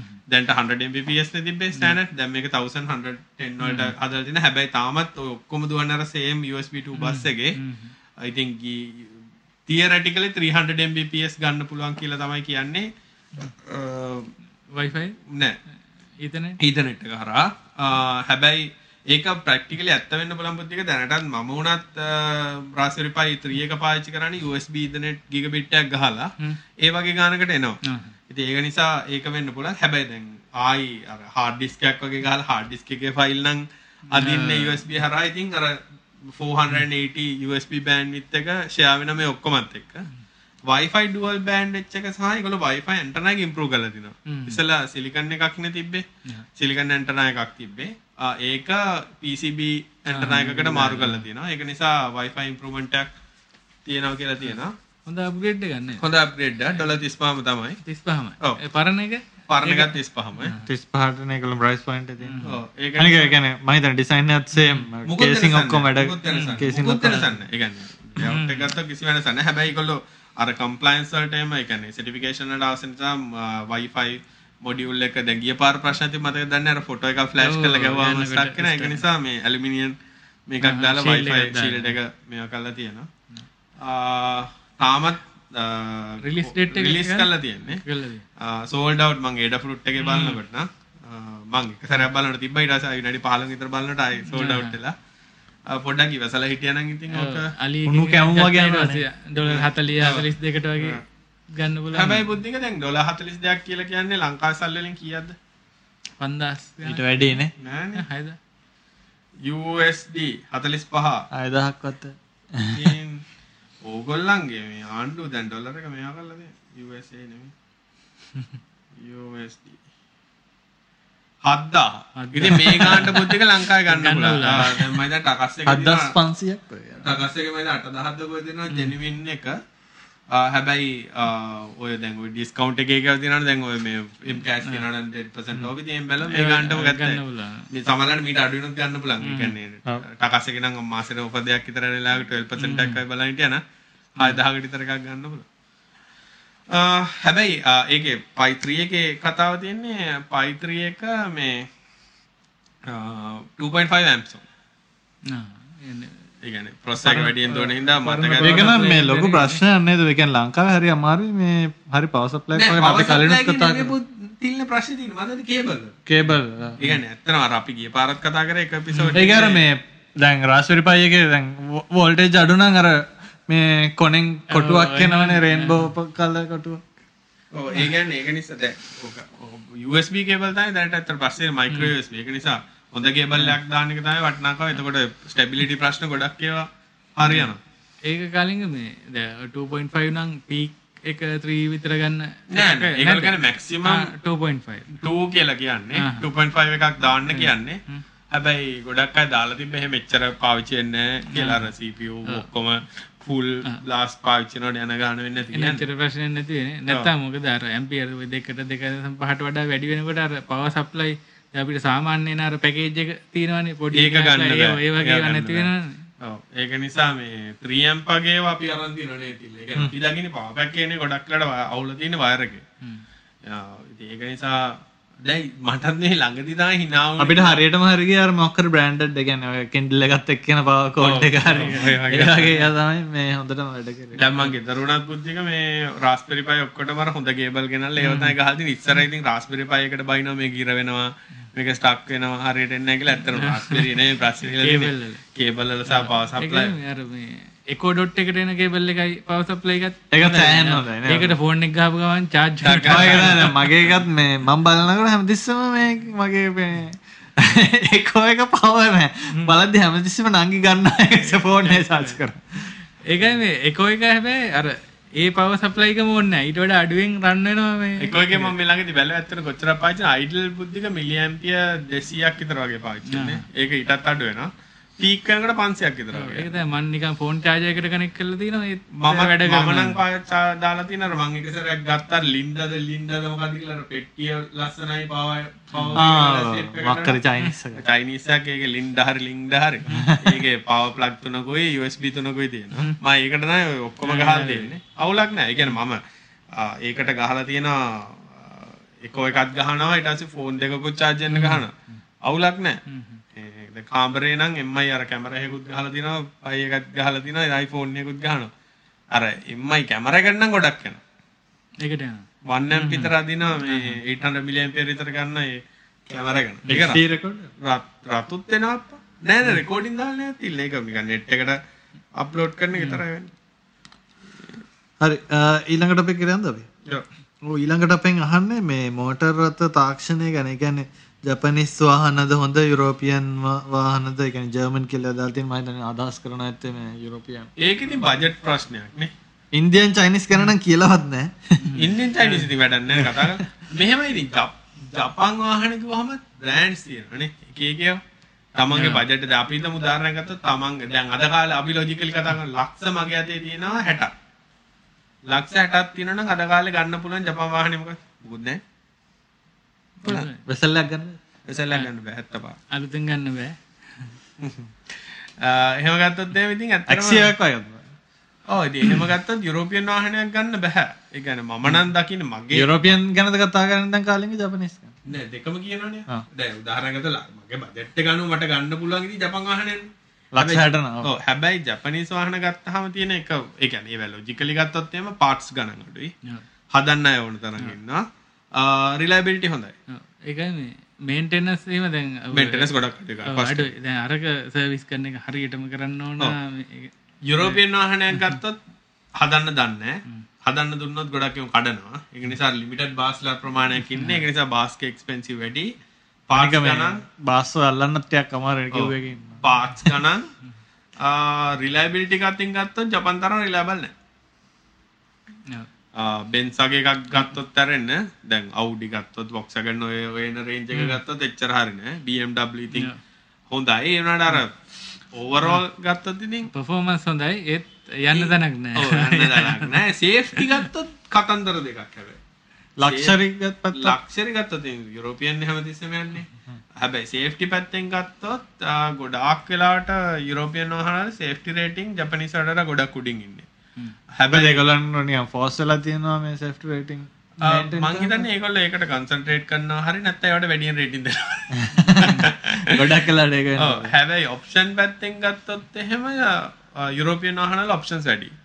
ඔප්ෂන් ගත්තොත් ගැජමටික් පැත්තෙන් ගත්තත් ගොඩක් යවා තිනවා හැබැයි ගැජමටික් රිලාබිලිටියක් ගත්තොත් එහෙම කියන්න අමාරු දැන් උදාරගත බොල්බෝ වගේව ගත්තොත් එහෙම අර ළමයි එක්ක කසාදයක් කරගත්තා වගේ තමයි. අලුත් එකක් ගත්තා ජැගුවා හැබ ද ලංකාව ගැන හිතද්දේ මේ අප රීසෙල් පැත්තත් හිතන්න නනේ යුරෝපියන් මහිතන මාලාට BMW බෙන්සරුනාව අනිත්තයිද විකුණ නමාර ගලින් ද ටෙක්නෝජී ඔය තියෙන ෆීචර්ස් ගත්තහම දැන් ජැපනිස්වල අර තියෙන පොඩි වෙනම එකක්න එකන එකගුල්ලන් අර ලෙවස් තියන ට්‍රීම් ලෙවස් තියෙනවා. ඉළඟට බජට් එකත් එක්ක සාමාන්‍යයෙන් ගොඩක් වෙනස් වෙනවා.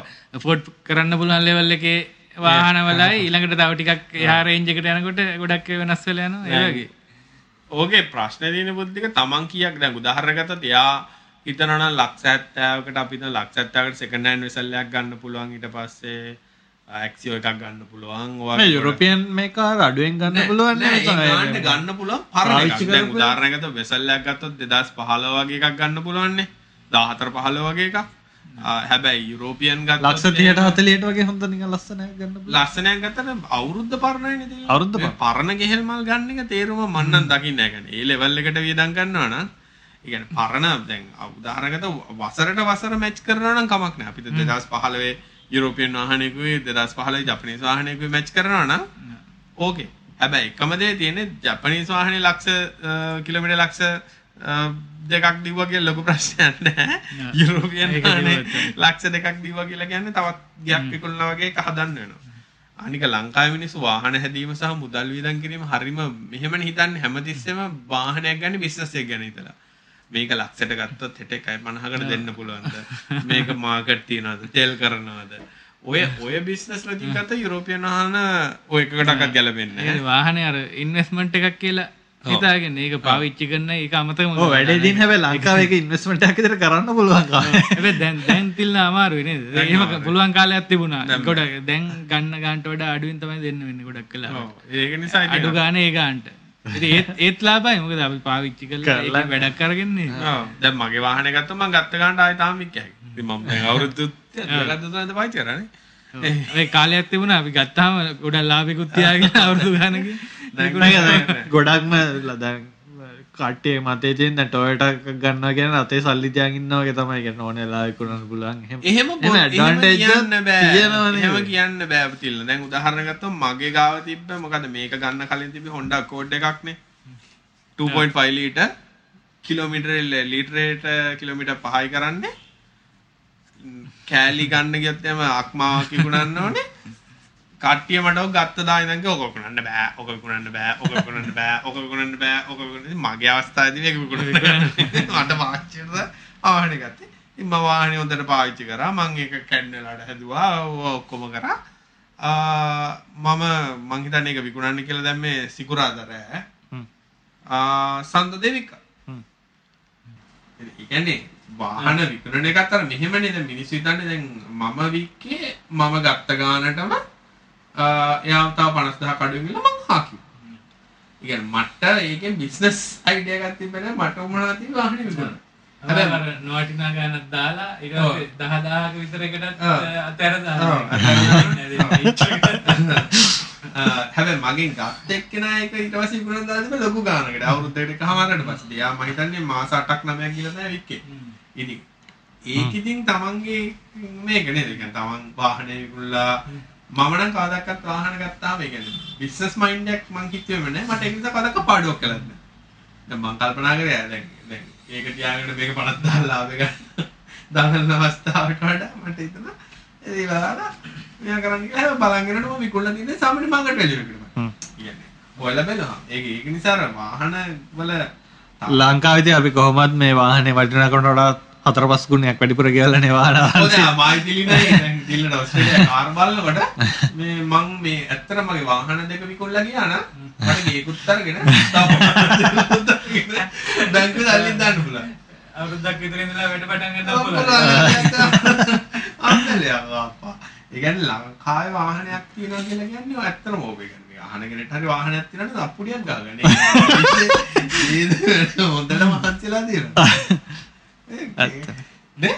සිරාට එහෙම. ඔව්, අනිවාර්ය. දැන් ගත්තොත් අපි බැලුවා විච් එකක් ගන්න පුළුවන් තිල්ලමයි මේ බැලුවා මගේ යාළුවෙක්ට ගන්න ඕනලා මේ විච් එකක් කියලා කියන ලංකාවේ සාමාන්‍ය විච් එකක් ගන්න කියලා ලක්ෂ 30ක්වත් ඕනේ 2001 දෙකේ විතර එකක් ගන්න කියලා. ආ 2015 එකක් තිබ්බා.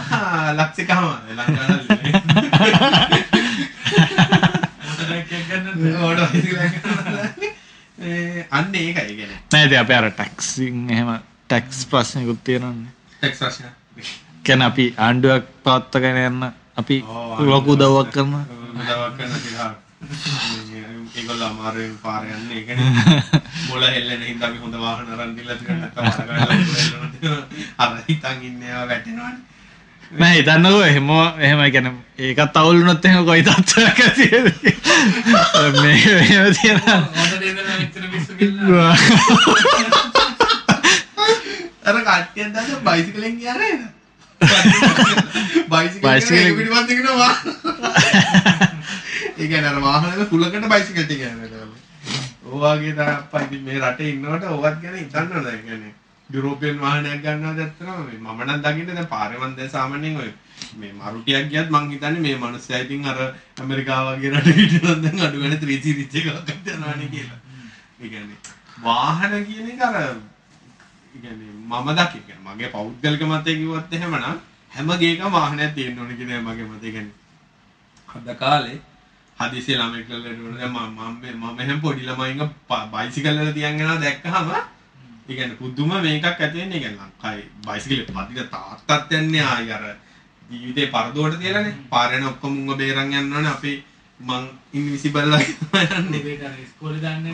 ගානින් ඒක යනවානේ. ඉතින් මම බැලුවා ඉතින් මේ ළමයින්ගේ ජීවිත අඩු ගානේ පොඩ්ඩක් ඉතුරු වෙනවනේ කියලා මේ අඩු ගානේ කීයක් හරි මේ අඩුවේ වාහන දැන් ඉතින් මොකද ඇත්තටම ගත්තොත් දැන් ලක්ෂ 3 wheeler එකක් අද ගන්න ගානට පුද්දික වාහනයක් දෙන්න බැරි ප්‍රශ්නයක් නැහැ ඒ ලෙවල් එකේ. මොකද ටැක්ස් අඩු කරන්න පුළුවන් නේ මොකද අහිංසක මිනිස්සුන්ට වාහනයක් ගන්න එක ටැක්ස් අඩු කරාට කමන්නේ නැහැ නේ වාහන ගන්නවන්නේ අඩු කරන්න ඕනේ. ඒ කියන්නේ සිලෙක්ටිව් වාහනයක් කිව්වනම් හරි මේ වාහනේ ගන්න පුළුවන් ටැක්ස් නැහැ. ඕ ටැක්ස් එක. දැන් අර ලංකාවේ මයික්‍රෝදක සමාගම ඇත්තටම මොකක් හරි එකක් අටවන්න උත්සාහ කරන්නේ. ඒක හරි ගියේ ඒක කරගන්න දුන්නේ නැහනේ. ඉතින් ඒ වගේ එකක් හරි අටමගලයක් ඇටෙවුවා නම් මම කියන්නේ මේ ජීවිත ඉතුරු කරගන්න පුළුවන් මිනිස්සුන්ගේ. මෙහෙම අපේ අනිත් ටොපික් එකටත් යමුද? ඔව්. මේ අහලා තියුනේ ඔය මාර්ග නීති. ඒවට ටෙක්නොලොජි පාවිච්චි කරන්නේ කොහොමද? ට්‍රැෆික් ලයිට් වලට ට්‍රැෆික් කන්ට්‍රෝල් වලට ඒ වගේ එකක්. මගේ ම- මගේ පෞද්ගලික මතය කියන්න. මාර්ග නීති වලට ඔය ටෙක්නොලොජි සහ පොලිසිය අවශ්‍ය නැහැ ඇත්තට මිනිස්සුන්ගේ සාමාන්‍ය දැනීම තමයි අවශ්‍ය. දැන් උදාහරණයක් ගත්තොත් මම දවසට කිලෝමීටර් මම දන්නේ 15 20 කෙලවනවනේ. ඉතින් මම දැන් දැන් ගොඩක් වෙලාවට මම ගෝල් රෝඩ් එකේ තමයි යන්නේ උදේට. උදේට ඉතින් ගෝල් රෝඩ් එක යනකොට මම සාමාන්‍යයෙන් දැන් මාර්ග නීති අනුව නම් ලේන් තුනක පාරක් නම් Taman දිගටම යනවනේ යනවනේ මැද ලයින් එකේ. ඒකනේ නීතිය. මැද ලයින් එක කියලා කියන්නේ ඉරවුඩින් යන්න නෙමෙයි. ඉරි දෙක මැදි කරගෙන යන්න තමයි ඕනේ දෙපැත්තකින් ඉරි දෙක. එක්ක දකුණු ඉරවුඩින් එක රෝදයක් වක්වත් වම් ඉරවුඩින් එක රෝදයක් ගන්න නෙමෙයි. ඒ රෝද දෙකටම අහු වෙන්නේ නැති වෙන්න මැද්දේ තියන් තමයි යන්න ඕනේ. ඉතින් මම කරන්නේ ඇත්තටම අර මේ මගේ වාහනේ අර මේ ඔටෝ බ්‍රේක් හෝල්ඩ් එකක් තියෙන ඉඳන් මම ඕක බාගෙන ඉස්සරහ වාහනේට සෙට් කරලා මම ඉතින් අර ඇස්ලේටර් එක පොඩ්ඩක් පාගන විතරයි කරන්නේ අර නවති ගන්න නවති ගන්න ගන්න යනවා ඔය ටික කරගෙන මම යනවා ඉතින් මං මං මයි පිටිපස්සෙන් එනවා ඒ කට්ටිය හෝන් ගාගෙන මෙහෙන් දාලා හෙට දාලා වමට කපලා දකුණට කපලා තුන් හතර දෙනෙක්ගේ ජීවිත හානි කරලා ගිහලා කොල්ල පිටියට එනකොට ඒගොල්ලොත් ඉන්නවා කලර් ලයිට් එක හරි ඉතින් ඒ රිස්ක් එක මගේ බ්ලඩ් පුච්චනවා තාම පා- පාරේ හතර දෙනෙක් විතර ලේ පුච්චලා යන එක අ, ගොඩක් අමාරුයි බුද්ධික මිනිහෙට තේරුම් ගන්න මම මේ යන දේ කිසිම ලැබීමක් නැහැ කියන එක ඔළුවට වැටෙන්නේ නැති එක තමයි ප්‍රශ්නේ. ඒ කියන්නේ පළවෙනි එක මේ ටෙක්නෝලෝජි පාවිච්චි කරන එක නෙමෙයි. අර මොලේ පා- මිනිස්සු- ඒක හිතන විදිහ. කියන්නේ තමන්ගේ ඇටිටියුඩ් ඔව්. වම් පැත්තේ ලයින් එක පොඩ්ඩක් වැඩියෙන් යනවා නම් අර පැත්ත කපලා පු පු පු ගාලා ඒ ලයින් එකට කපලා දානවා. ආයෙ මේක චුට්ටක් කරනවා මේ පැත්තට ආයෙ කපලා දානවා. ඉතින් මලින්ද වීඩියෝ එකක් කරලා තිබුණා මේ ටෙක් ටෙක් ෂෝ එකේ මලින්ද මේ ඒකට ගොඩක් කියන්නේ. ඇත්තට අපි එහෙම දානකින් වැඩක් වෙනවද කියලා? ඒ කට්ටිය පොඩ්ඩක් ඒක බලනවා නම්. ඒත් සෑහෙන දෙයක් ඉගෙන ගන්න පුළුවන්. කියන්නේ අපි එහෙම ගියාට ඉක්මනට යන්න බෑ කියන එක ඔප්පු කරලා පෙන්නන මමනේ හැමදාම උදේට ඔප්පු කරන්න මතක තියාගන්න. මම තුන් හතර දෙනෙක් කියම නැහැ මතක තියාගන්න. ඒක තියාගෙන ටික දරක් ගිහිල්ලා මේ බලලා ඉන්නවනේ. ඒක ඊළඟට තමයි තමන් හැරෙන්න ඕන තැනදී තමන්ගේ හරි ලයින් එකේ ඉන්න තියෙක. දැන් උදාහරණයක් ගත්තොත් මම කොල්ලපිටිය හන්දියට එනකොට බුද්ධික මං දකුණු පැත්තට හැරෙන්නේ ලිබර්ටි එක පැත්තට. එතකොට මම කරන්නේ පෑන් ඒෂියා බැංකුව හරිය වෙනකොට ගොඩක් අය දකුණු පැත්තේ අයින ලයින් එකට ගන්නවා. මං කරන්නේ අන්ති පැත්තේ දකුණු ලයින් එකට අරගෙන මං ඒක යනවා. වම් පැත්තේ ලයින් එක මට කලින් යනවා ගොඩක් වෙලාවට. ඊට මං ඒක ලයින් එක දිගේ ගිහිල්ලා මං ගානට හැරවිලා මගේ ලයින් එකට ගානට වැටෙනවා. මං ආයේ හෙට මෙහෙට කපලා දඟලගෙන අත දාගෙන පොඩ්ඩක් අරුට මෙහෙම කරලා හෝන් ගාලා හෙට ගේමක් දීලා ලයින් මාර් කර ගන්න ඕනේ. මං ඉතින් මගේ පාඩේ මොකද අපි හැමෝම දන්නවනේ අපි ඊළඟ හන්දියේදී වමට හැරෙනවා. ඊළඟ හන්දියෙන් දකුණට හැරෙනවා. මෙතනින් කෙලින් යන්නේ. කියන එක දන්නවනේ. ඉතින් ඒ අර ඒ ඩිසිප්ලින් ඇත්තටම මම දකින්නේ මිනිස්සු ඩිසිප්ලින් නෑ ඩිසිප්ලින් නෑ කියලා කියන්නේ ඒ කියන්නේ දැන් කාලික මෙහෙම මේ නිකන් අර තේරුමක් නැති මේ. තේරුමක් නැති දෙයක් තියෙනවා මේ කියන්නේ ලංකාවේ මෙහෙම නැතුව යන්න බෑ අපිට කියලා. ඒ කියන්නේ ඒක කිසිම තේරුමම නැති දෙයක්. ඒක කියන්නේ ඇත්තටම වාහන එලවන්න බැරි කට්ටිය. ඒකයි ඒක අර තමන්ගේ වාසියට කියන එක. ගොඩක් හිතන්නේ තමන්ගේ ගමන යන එක විතරනේ. ඒකින්ද අර අනිත් එවුන් නවත්තගෙන ඉන්න. අනික දැන් උදාහරණයක් ගත්තොත් මම ගොඩක් වෙලාට දැන් අතුරු පාරකින් මහ පාරට කවුරු හරි වාහනයක් දානවා මගේ පිටිපස්සේ වාහන තුන හතරක්වත් එනවා වගේ දැක්කොත් මම නවත්තනවා. හ්ම්. නවත්තලා ඉන්න. පිටිපස්සේ ඉන්න කාට ඉවසන්න බෑ. ඒ ඉතින් අර කොත්තු කාල බොක සෙට් වෙලානේ. කියලා හෝන් ගහලා ඉටගෙන ඒකට නැගිලා මේ පැත්තට කපලා එහා ලයින් එක තිර කරගෙන ඌ අර අර මිනිස්සු යන්න කලින් යන්න හදනවා. පොඩ්ඩක් එඩ දුන්නා කියලා ඉතින් විනාඩියක් විනාඩියක් යන්නේ වෙනසක්- නෑ. කිසි වෙනසක් නෑ. ඇත්තම කතා කරද්දී සත වහක වෙනසක් නෑ. අනික අඩු අඩු ගානේ අර මිනිස්සයාගේ දා උදේ පාන්දර ඒ මිනිස්සයාට වෙච්ච හොඳ දේ යනවා අඩු ගානේ බුද්ධික ඒ මිනිස්සයා හිතදතු නෙන්නේ. ඒක මඩ ඉර දුන්නා කියලා නැත්තම් අපි ඔයා ඕගොල්ලොම හිතලා බලන්න ඕගොල්ලෝ කොහේ හරි ඉඳන් අතුරු පාරේ ඉඳන් මහ පාරකට දාන්න පුදුම දුවක් දෙන්න. ඉතින් ඒක හිතන්න ඊළඟට ප්‍රශ්නේ. ඒක ඊළඟට තියෙන ප්‍රශ්නේ තමයි තමන්ගේ ජංක්ෂන් බොක්ස්. ජංක්ෂන් බොක්ස් එක. ඒක ඒවත් දන්නේම නෑ. ඒවා ඒවා මගෙන් එක මිනිස්සෙක් අහනවා අර මන්සන්දියක කියන්නේ පාරවල් තුනක් එකතු වෙන තැනක සමහරවිට කහ පාටින් කොටු ගහලා දෙනවා. හරහා. මේ මා පාර පයින්නට තියෙන්නේ පස්සේ කොහ- කොච්චර කොච්චර ලංකාවේ කොටු පෙන පෙන පාර පයින් අර. ඔව් කොච්චර ලංකාවේ මිනිස්සු මාර්ග නීති දන්නේ නැද්ද කිව්වොත් අ, නාරහෙපිට පොලිසිය ඉස්සරහා කිරුළ පාරේ ඒ ජංක්ෂන් එකේ කොටු ගහලා ඊට පස්සේ බෝඩ් එකකුත් ගහලා දෙනවා කොටු උඩ වාහන නැවතින්න නලකින්න. අනිත් ඒ- ඒක ඒක කාලින්ද මේ ඔය ජංක්ෂන් බොක්ස් එකට විතර නෙමෙයි. ගොඩක් ඒවට අ, කට්ටිය හිතාගෙන ඉන්නවා. ඒ කියන්නේ අර ඒක කොහෙවත් කියවලවත් එහෙම නෙමෙයි. Taman හිතාගෙන ඉන්නවා මේ මේවා තමයි නීති. මේක වැරද්දක් නෙමෙයි.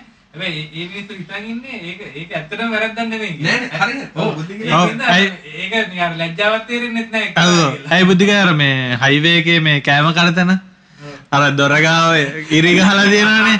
කට්ටිය හිතන්නේ ඒක පාක් කරන එකක් කියලා. සිරා බුද්ධික කියන්නේ ඔච්චර ඕනේ නැහැ. දවසක් මම දැන් දැන් ඒ රියුඩ වාහනයක් නවත්තගෙන. හරිද? වාහන පේලියම නවත්තලා. ඊපස්සේ අර අනිත් පැත්තේ තියෙන මිනිස්සුන්ට ඇවිල්ලා අර ඉස්සරහා මිනිස්සුන්ව බස්සලා යන්න. දැන් මගේ පොඩි එක්කෙනා බස්සනවා. අර කොටු ඉරේ හිටපු ගාට ඉන්න බෑ දැන් හෝන් ගහනවා. මට යන්න කියලා. එතන පාක් කරපුවේ ඌට තේරෙන්නේ නැහැ ඒ හරකට ඒක එතන ගහලා තියෙන්නේ. ඌට යන්න කියලා. අනිත් පැත්තෙන් එන කෙනාට බස්සන මිනිස්සුන්ට වාහන හදන් ඉන්න දින අනිත් මිනිස්සුන්ට යන්න. යන්න කියලා. අර පොලිස් බූරු එක්ක කිව්වාගෙන ඌ වගේ- ඒ ඒ මිනිස්සයා වගේම තව කට්ටියක් නිසා ඒ මිනිස්සයාට යන්න බැරි වුණේ. ඔව් ඒක තමයි ජාතිය හරක් කොහොමද? තව තව කට්ටියක් ඉන්න දාලින්නේ මේ හිතමු අපි එක්ස්ප්‍රස් එක යනවා කියලා. ඒක හරි නිකම් පාරක් හරි. අපි නිකම් පාරක් කියලා හිතමු ලකුණු ලේන්. ලේන් දෙකක් තියෙනවා. ලකුණ තියන් කියන්නේ අපි හිතමු වම් පැත්තේ ලේන් එක හෙමින් යනවා. අපි දකුණ එකේ යනවා අපි අපි යනවා 70ට ඔව්. හරි? හැත්තෑවන දැන් ඕනි පාරක දැන් සාමාන්‍ය, limit එක නම් 50යි. එළිය සිටි 70. වලින් එළිය. අපි හැත්තෑවට යනකොටත් දැන් අපි ඊළඟට යනවා. අර වම් පැත්තේ ඉන්න එක ඉඩක් ආවොත් ඒකට දාගන්න යනවා හැබැයි අපි අතන හැත්තෑවට යද්දිත් පිටිපස්සෙන් එල්ල හෝන් ගහලා එහෙම කරන්න බෑනේ. මොකද දැන් ඒ කියන්නේ අපිට තව වේගෙන් යන්න කියන එකනේ. අපිට නීතියක් කඩන්න කියලා කියනවා. දැන් අපි ඒක බ්ලොක් කරගෙන යනවා නම් කවන්නේ? අපි ඉඩ තියෙන තැනක් නෑ නෑ. නෑ ලෝකල් නීති අනුපුද්දික 10ක් 15ක් එහෙට මෙහෙට යන ප්‍රශ්නේ නෑ. ඔයා 80 අන්න ඒක ඒ කියන්නේ ඒ වගේ දැන් ඒක හයිවේ එකෙත් ඕක. ඒ කියන්නේ අපි හිතමු අපි 100ට ගිහිල්ලා ඉස්සර කරනවා කියලා ගාවනේ. දැන් පිටිපස්සෙන් එන 120ට විතර අපිට ෆෝන් කරනවා ඉක්මනට ඊළඟ කොන්සෙප්ට් එක දන්නවද බුද්ධික පේමන්ට් උඩ යන බයිසිකල් කාරය බුදුම හරක් රැලක් අප්පා. ඒ කියන්නේ දැන් අප- ම- මයි තිල්ලෙන් දැන් සමහරවිට දවල්ට කාලා අපි පේමන්ට් එක එනවා මේ පේමන්ට් බයිසිකල් එක දැන් අපි පේමන්ට් එක බහින්න ඕනේ අරුට යන්න ඊළඟ සෙට් එක තමයි වාහනය පාක් කරනකොට පේමන්ට් එකට පාක් කරනවා. තේම දෙකක් හරි ඔව් ඒ දෙකක් හරි දානවා. හැබැයි එයාගේ පැත්තෙන් ඕක ඇහුවොත් දැන් කියේ නෑ මම පාරට ඉඳ තියලා පාරේ වාහන වලට යන්න පුළුවන් වෙන්න ඕන හින්දා තමයි පේමන්ට් එක උඩ නැත්තේ. නමුත් පේමන්ට් එක තියෙන මිනිස්සුන්ට පාර තියෙන්නේ වාහන වල. එතන නවත්තන්න බෑ එතන අතන හරි දැන් අපි ගිහලා බලු කෑම් පැකට් කන්නේ නෑනේ කඩේ තියෙන. බලු කෑම් පැකට් එකක් තියෙනවා ඊට පස්සේ බිස්කට් පැකට් එකක් තියෙන මිනිස්සුන්ට හදපු ආ මේ කමන්නේ බිස්කට් පැකට් ඉතුරු කරන්න ඕනේ කියලා බල්ලගේ මේකෙන් කෑල්ලක් කන්නේ නෑනේ. ඒකතර ඒ වගේ අර හරිම නෑ අර කියන්නේ වාහනේ නවත්තනවද නැද්ද කියලා හිතන්න තමන් ඒ කියන්නේ වාහන නැවැත්වීම තහනම් කියලා බෝඩ් එකක් තියෙන්නම ඕනේ නෑ. තමන්ට නිකන් මොලෙන් කල්පනා කරලා බලන්න පුළුවන් මෙතන නැවැත්තුවම මොකද්ද වෙන්නේ කියලා අනිත් මිනිස්සුන්ට කරදර වෙන්නේ නැත්නම් අනිවාර්යයෙන්. ඔව් ඒකනේ අර ගොඩක් වෙලාවට හිතන්නේ අර සමහර නම් කපටිකමට මේක කරනවා. ඒ කියන්නේ අනිත් යොම් ගැන හිතන්නේම නැතුව කරනවා. සමහරව නීති දන්නේ නැතිකමට හිතාගෙන මේ- මේක හරි මේව හරි කියලා ඒ වගේ එහෙම මතයක ඉන්නවා. මේ ඒක මේක අහනවා නම් ඔය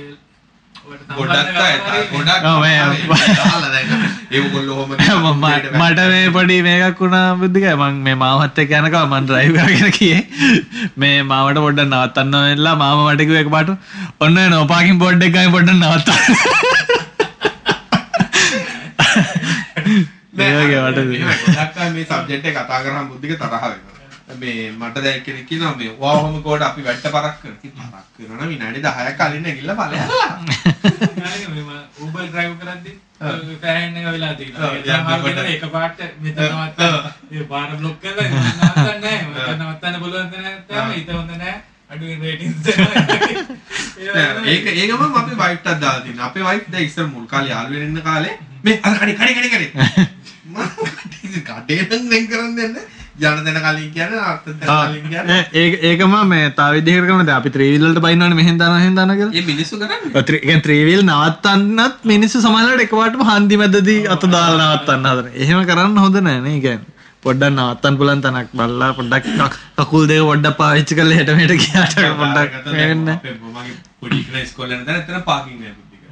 මම කරන්නේ උදේ යන හින්දා කඩ තියෙනවා. කඩ ඉස්සර ඇතුලේ කඩවල පාකින් කියනවා. ඉතින් මම කරන්නේ කඩේ ඇතුලට පාකින් එකට දාලා මේ මීටර් 500ක් විතර පයින් යන පොඩි එකනට. හැබැයි උදේට රම්මල තාත්තල එනවා හරස් කළා දාලා පේමන්ට් උඩ දාලා එක කකුලක් පොඩ තියලා අර පස්ස පෙර දාලා ඒක ජෙට් ළඟටම යන්න ළඟ- ඔව්, ඒ කියන්නේ. මට නම් තේරෙන්නේ නැහැ මිනිස්සු ඒ කියන්නේ මෙන්ටැලිටි ඊළඟට අපේ අය දැන් මේ ඔක්කොම වැඩකාරයෝ කියලා හිතන් ඉන්නේ මේ ඩ්‍රයිව් කරන. උඩින් දාලා යන්නේ මෙහෙම වමට දාලා යන්නේ. හැබැයි ඔය උකුන්ට පාක් කරන්න කියන්නේ වාහනේ පාකින් එක. කරන්න. කාඩක්. ආහාර පාක් කරනවා. ඉරි දෙකක් අර කාපාක් ගැන අපි සරල අදහන්න ගමනේ. පා කාපාක් එකක ඉරි දෙකක් ගහලා තියෙනවා. ඉරි දෙක ගහලා තියෙන්නේ වම් එක රෝදේ ඒක ඉරක් උඩින් තියන්නවක්වත් දකුණු රෝදේ එක ඉරක් උඩ තියන්නවක්වත් ඉරි දෙක මැද්දෙන් වාහනේ හරියට දෙපැත්තට එකම සමාන ඉඩක් නවත්තනවා. එහෙම නවත්තන්න බැරි නම් ඕගොල්ලන්ට වාහනේ ගන්න බෑ. ඒ කියන්නේ ඕක කල් පෙල්ලගෙන ගියත් එහෙට මෙට කපලා ගියත් මොනා කරලා ගියත් ඒක සරල උත්තරේ තමයි වාහන එලවන්න බෑ.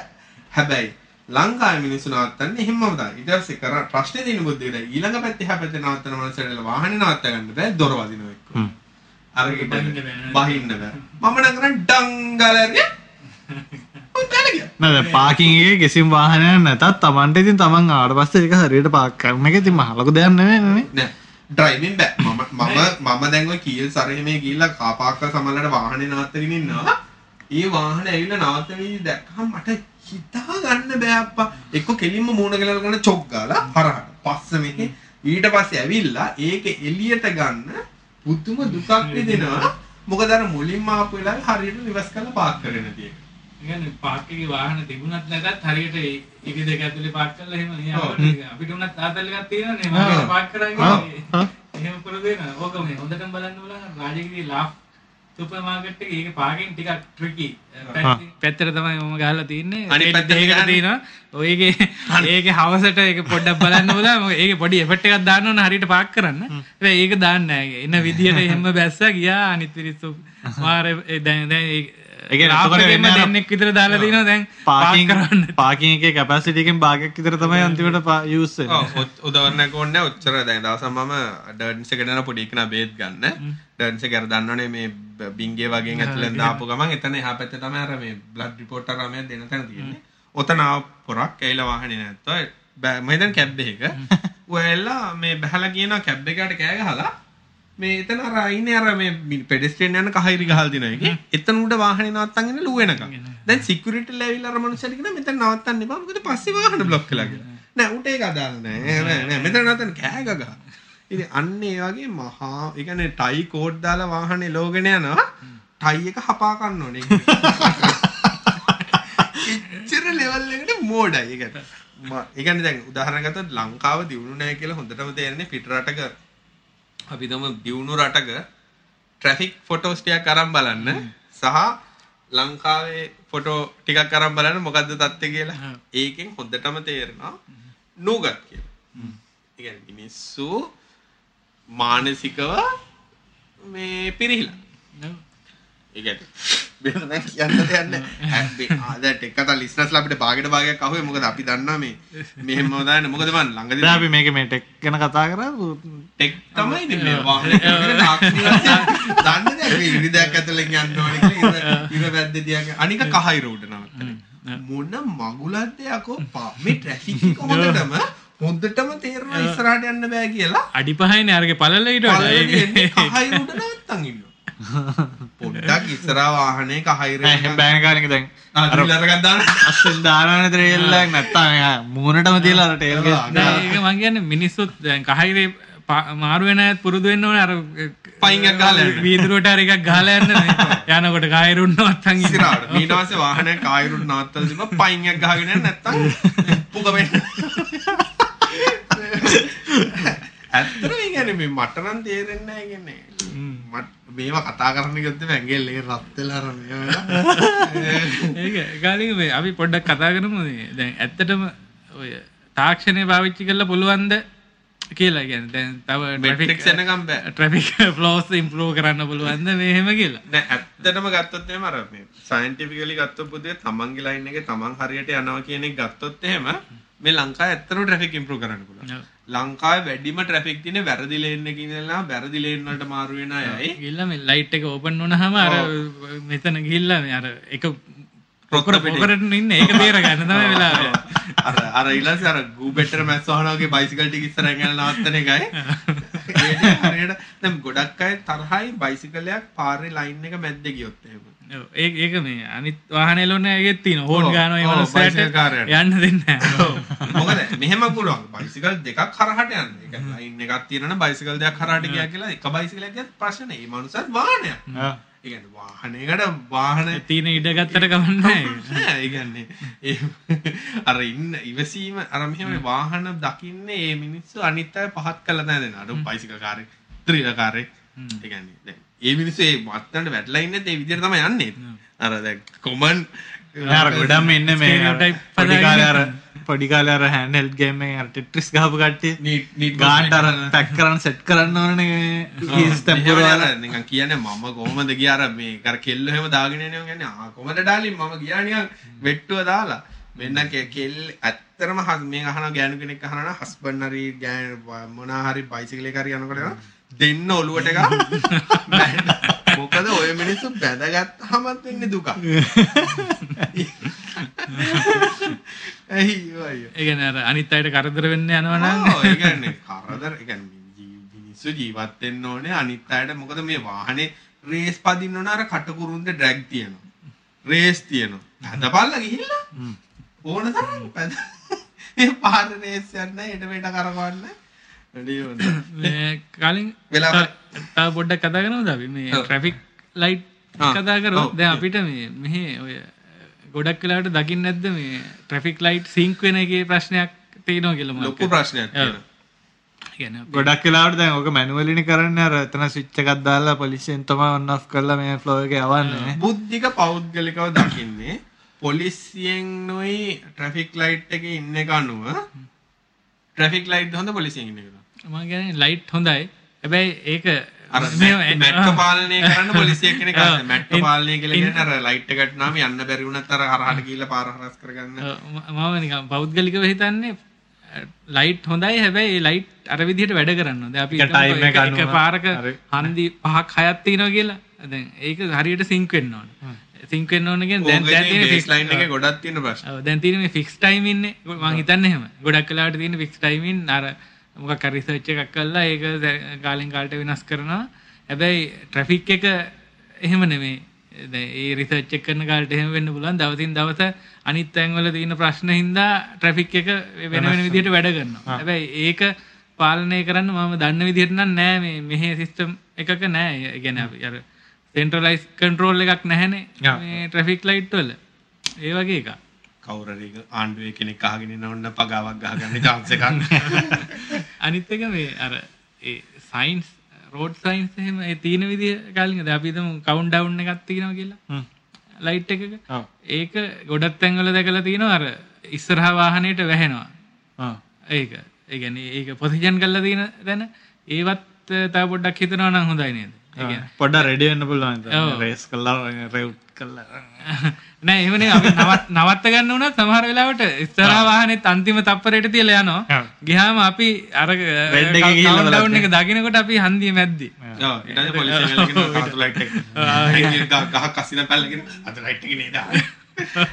ඊළඟට අපේ මේ ගොඩක් අය කම්ප්ලේන් කරන පොලිසිය හැංගිලි ඉඳලා ලියන එක වැරදි කියලා. හැංගිලා ලියලා එක නෙමෙයි වැරදි ඇත්තටම වැරදි නොකර ලියන නැද්ද කියන එක අදාළ නෑ. මොකද ඉන්නකොට නීතිකරුකයන්ට සහ පොලිසිය නැතිවරන නීතිකරුක නොයන්න කියලා නීතිය එහෙම මොකක් හරි ලියලා දැන් නේද? ඒකයි මේ අර පහුගිය දවස්වලත් කලින් නිකන් Facebook එකෙත් කතා වෙනව කට්ටිය මේ තනි පොලිස් නිරාධිරීට ලියන්න බෑ. ඒකයි අර ස්පීඩ් කැමරා එහෙම ඒවා ගැන මේ කතා කරනකොට දැන් මෙහි අපිට හැමදාම දකින්න තියෙන විදිහට තියන්නේ වැරදි කරන අයවල්ලා ගන්න try කරන්නේ. වැරදි කරන එක නවත්තන්න ඒ කියන්නේ ඒක අඩු කරන්න try කරන්නේ නෑ මෙහෙමනේ වෙන්නේ. දැන් උදාහරණයකට මම ගොඩක් වෙලාට හරියට ලයින් එකෙන් පොලිස් කාරයන්ට හරි ඉරිටේටිං අර තව බාහනයක් දාගෙන ඉඩ දිනන උතන තොපට ඉඩ දෙන්න වගේ. මෝඩ් එකෙන්ද අපි දිහා බලන්න. ඒ කියන්නේ මෝ- අපි වැරදි අනිත් අය හරි කියන මෙන්ටැලිටි එකෙන් තමයි පොලිසිය හැමතිස්සෙම ඒ පොලිසියත් ගොඩක් දන්නේ අමාරුනේ ස්පීඩ් කැමරාස් ඕන එකක් වුණොත් අපි හිතමු පොලිසිය හැංගිලා ඉන්නවට වැඩිය ඉතන්නක පේන්න ඉන්නවා කියලා. ඇල්ලුවේ නැති වුණත් පේන්න ඉන්නවා නම් මිනිස්සු පොඩ්ඩක් ඩිසිප්ලින් හැදෙනවා එතනදී මොකද බයෙන් යන්නේ මේ දැන් ඉඳීද ඊළඟට ඉඳීද ඒ වගේ එක. එහෙම නැතුව හැංගිලා ඉන්නකොට ඒක ඒකෙන් වැරදි කරන එක අඩු වෙන්නේ නැහැ. හැබැයි ඒකලට හොඳම- අල්ල ගන්න පුළුවන් එක වැඩි වෙයි. වැඩේ තමයි මේ දඩ වැඩි කරන එක. ඒ කියන්නේ ඇත්තට මම නම් දකින්නේ දඩ වැඩි කරන එකේ කිසිම වරදක් තියන අර වෙලා තින ආණ්ඩුව ගැමිණු විජේසූරියට බයින්ද බස් වලට ලියන හින්දානේ ඕක මේ ප්‍රශ්නේ තියෙන්නේ. නැත්තම් මේ ඇත්තටම දඩ වැඩි කරන එක නම් මම දක පිටරට දඩ දැක්කොත් එහෙම බුද්ධික ඩොලර් 500යි 600යි ඒ වගේ දින අනිත් එක තමයි මේ මෙන්න මේක නම් කියන්න ඕනේ. බීලා වාහනේ ලෝන තරම් හරක් වෙලක් නැහැ. මොකද්ද ප්‍රශ්නේ කියලා කියන්නේ බොනවනම් වාහනේ ගෙදර දාලා කැබ් එක ඔව්. බොනෝ කියන එක මේ ටක් ගාලා සෙට් වෙන්නේ නැහැ නේ දන්සලක් දන්සලක්. හම්බුනා වගේ. ඕන තරම් chance එකක් දීලා අපි මේ වාහනේ ඇවිල්ලා බොන්න. දැන් උදාහරණයකට අපි අර ඉමේජ් කියලා ඉන්න වාහනේ ආවොත් කවදක බොන්නේ බොන තැනට ගිහිල්ලා තින්න බොන්නේ ඒක ඒක ඇත්තරම මේ තමන්ගේ ඩිසිප්ලින් තමන්ගේ ඩිසිප්ලින් එක විශේෂයෙන් අනිත් මිනිස්සුන්ගේ ජීවිත ගැන හිතමු. බොනේ ඌ මලාට නම් මගේ කිසිම කැමැත්තක් නැහැ. ඒ කියන්නේ මේ වගේ බීලා ගිහලා මලාට නම් කිසිම ප්‍රශ්නයක් නැහැ. ප්‍රශ්නේ තියෙන්නේ අර අනිත් මිනිස්සුන්ට වෙන මේකනේ. දැන් අපේ ළමයි වාහන ලෙන අපේ ළමයි පාරවල් ලෙන ඔයගේ හරක් එක්ක ඇවිල්ලා ළමයා පුත් එහෙම ඉතින් මොකද්ද කරන්නේ ඉතින් ඒකයි ප්‍රශ්නේ තියෙන්නේ කියන්නේ බීලා වාහනේ ලෝනවා කියන එක වැඩ වැඩ කර අනේ අද පොලිසියෙන් නෑ මෙතනින් යන්න පුළුවන් නෑ මට හැන්ඩල් කරගන්න පුළුවන් ඒක හරිම මෝඩ ඒ කියන්නේ අර ඒක දැන් කාලේ කැබ් නෑ කියලා ප්‍රශ්නයක් නෑනේ. එක කැබ් දාති 50ක් විතර තියෙනවා. මොකක් හරි එකක් දාගත්තා. ගියා අඩු ගානේ බොන්න සෙට් වෙලා හදිස්සිය සෙට් වුණා ගියා ඔෆිස් එකලා. වාහනේ ඔෆිස් එකේ දාලා ගෙදර බලයන් කැබ් එක.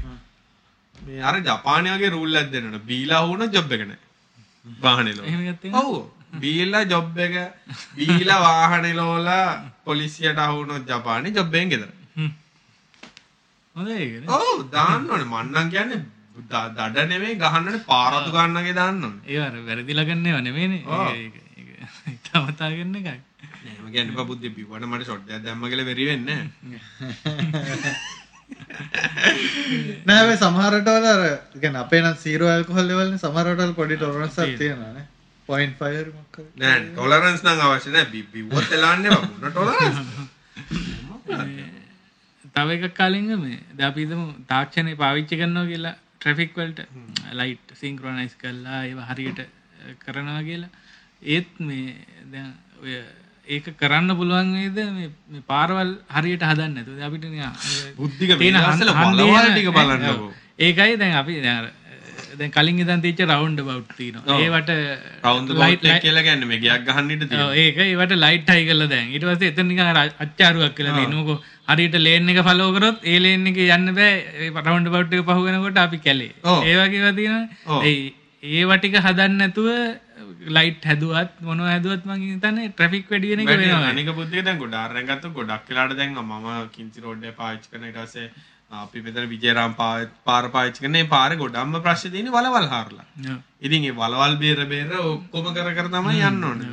කියන්නේ පාරවල් කඩන එක වගේම පාරවල් හදන එකත් කරා නම් මේ මම නම් දකින්නේ දැන් නම් පාරවල් දැන් උදාහරණයකට මට නාවල ඉඳන් බොරැල්ලට එන්න කැඩිච්ච නැති පාරක් අර කේබල් දාන්න හාරලා නේද ඔව්. දැනම දැන් උදාහරණයකට නාවල නාරයන්පිට පාරට තාර දැම්මන්නේ කපාගෙන ගිහිල්ලා තියෙන ලයින් එක හරන්න.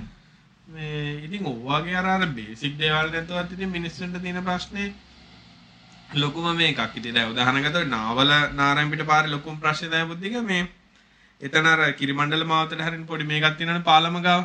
ඒ කියන්නේ ඒක චෝටි පාර. ඔව් චූටි පාරට ව- ඒ කියන්නේ චූටි පාරෙන් ඇවිල්ලා එතන දකුණට හරවන එක ප්‍රශ්නයක් නෑ. චූටි පාරෙන් වමට හරවන එක සහ sorry චූටි පාරෙන් වමට හරවන එක පවුලක් නෑ. චූටි පාරෙන් දකුණට හරවන එක සහ මේන් රෝඩ් එකකින් ඇවිල්ලා චූටි පාරට දකුණ හරවන එක තමයි වරද. ඒ කියන්නේ ඒතන ඇත්තම හැරෙන්න අවශ්‍ය නැහැ. මොකද නාවල හන්දියට එන එක්කෙනාට ඒ පැත්තට යන්න ඕන නම් කෙලිම ගිහලා කිරිමණ්ඩල මාවතෙන් යන්න පුළුවන්. ඒ කියන්නේ ලොකු වාහනයක යනකොට කිලෝමීටරයක් එහෙට මෙහෙට වුණා කියන එක මේ ලොකු ප්‍රශ්නයක් නෙමෙයිනේ. අර ඒ වගේ ට්‍රැෆික් ෆ්ලෝ මේ හිතලා හදනවා නම් මම හිතන්නේ නාවල පාරේ ට්‍රැෆික් එක ගොඩක් අඩු කරන්න පුළුවන්. ඒකයි මේ දැන් කාලිංග මන් දන්න ක්‍රමයක් තියෙනවද කියලා මේ කවුන්් කරන්න වාහන එක අපිද මේක පොයින්ට් එකක් ඒක පහු කරන්න ඒවා. දැන් මැනුවල් කරන එකක් නේද? බටෙන් ඔය දාලා සමහරවිට වතුර පට්ටේ දානවා. දානවා. ඒකට සමහරට ඊට වඩා නිකන් වෙන ක්‍රමයක් ආවොත් ඒ කියන්නේ දැන් දැන් හැබැයි ඇත්තටම අපිට නිකන් ඔය ඕපන් සී හරි මොකක් හරි පාවිච්චි කරලා ඇත්තටම මේ වාහනේ මේ වාහනේ කියලා ඩෙන්ටිෆයි කරගෙන අපිට පුළුවන් නේද මේ ඔව් ඒ වගේ දැන් ඔය නිකන් අර කෝච්චි වගේ තියාගෙන යන්න කියන දේවල් කතා කරමු මේ දන්නේ Wi-Fi බැලූන් පමණයිනේ.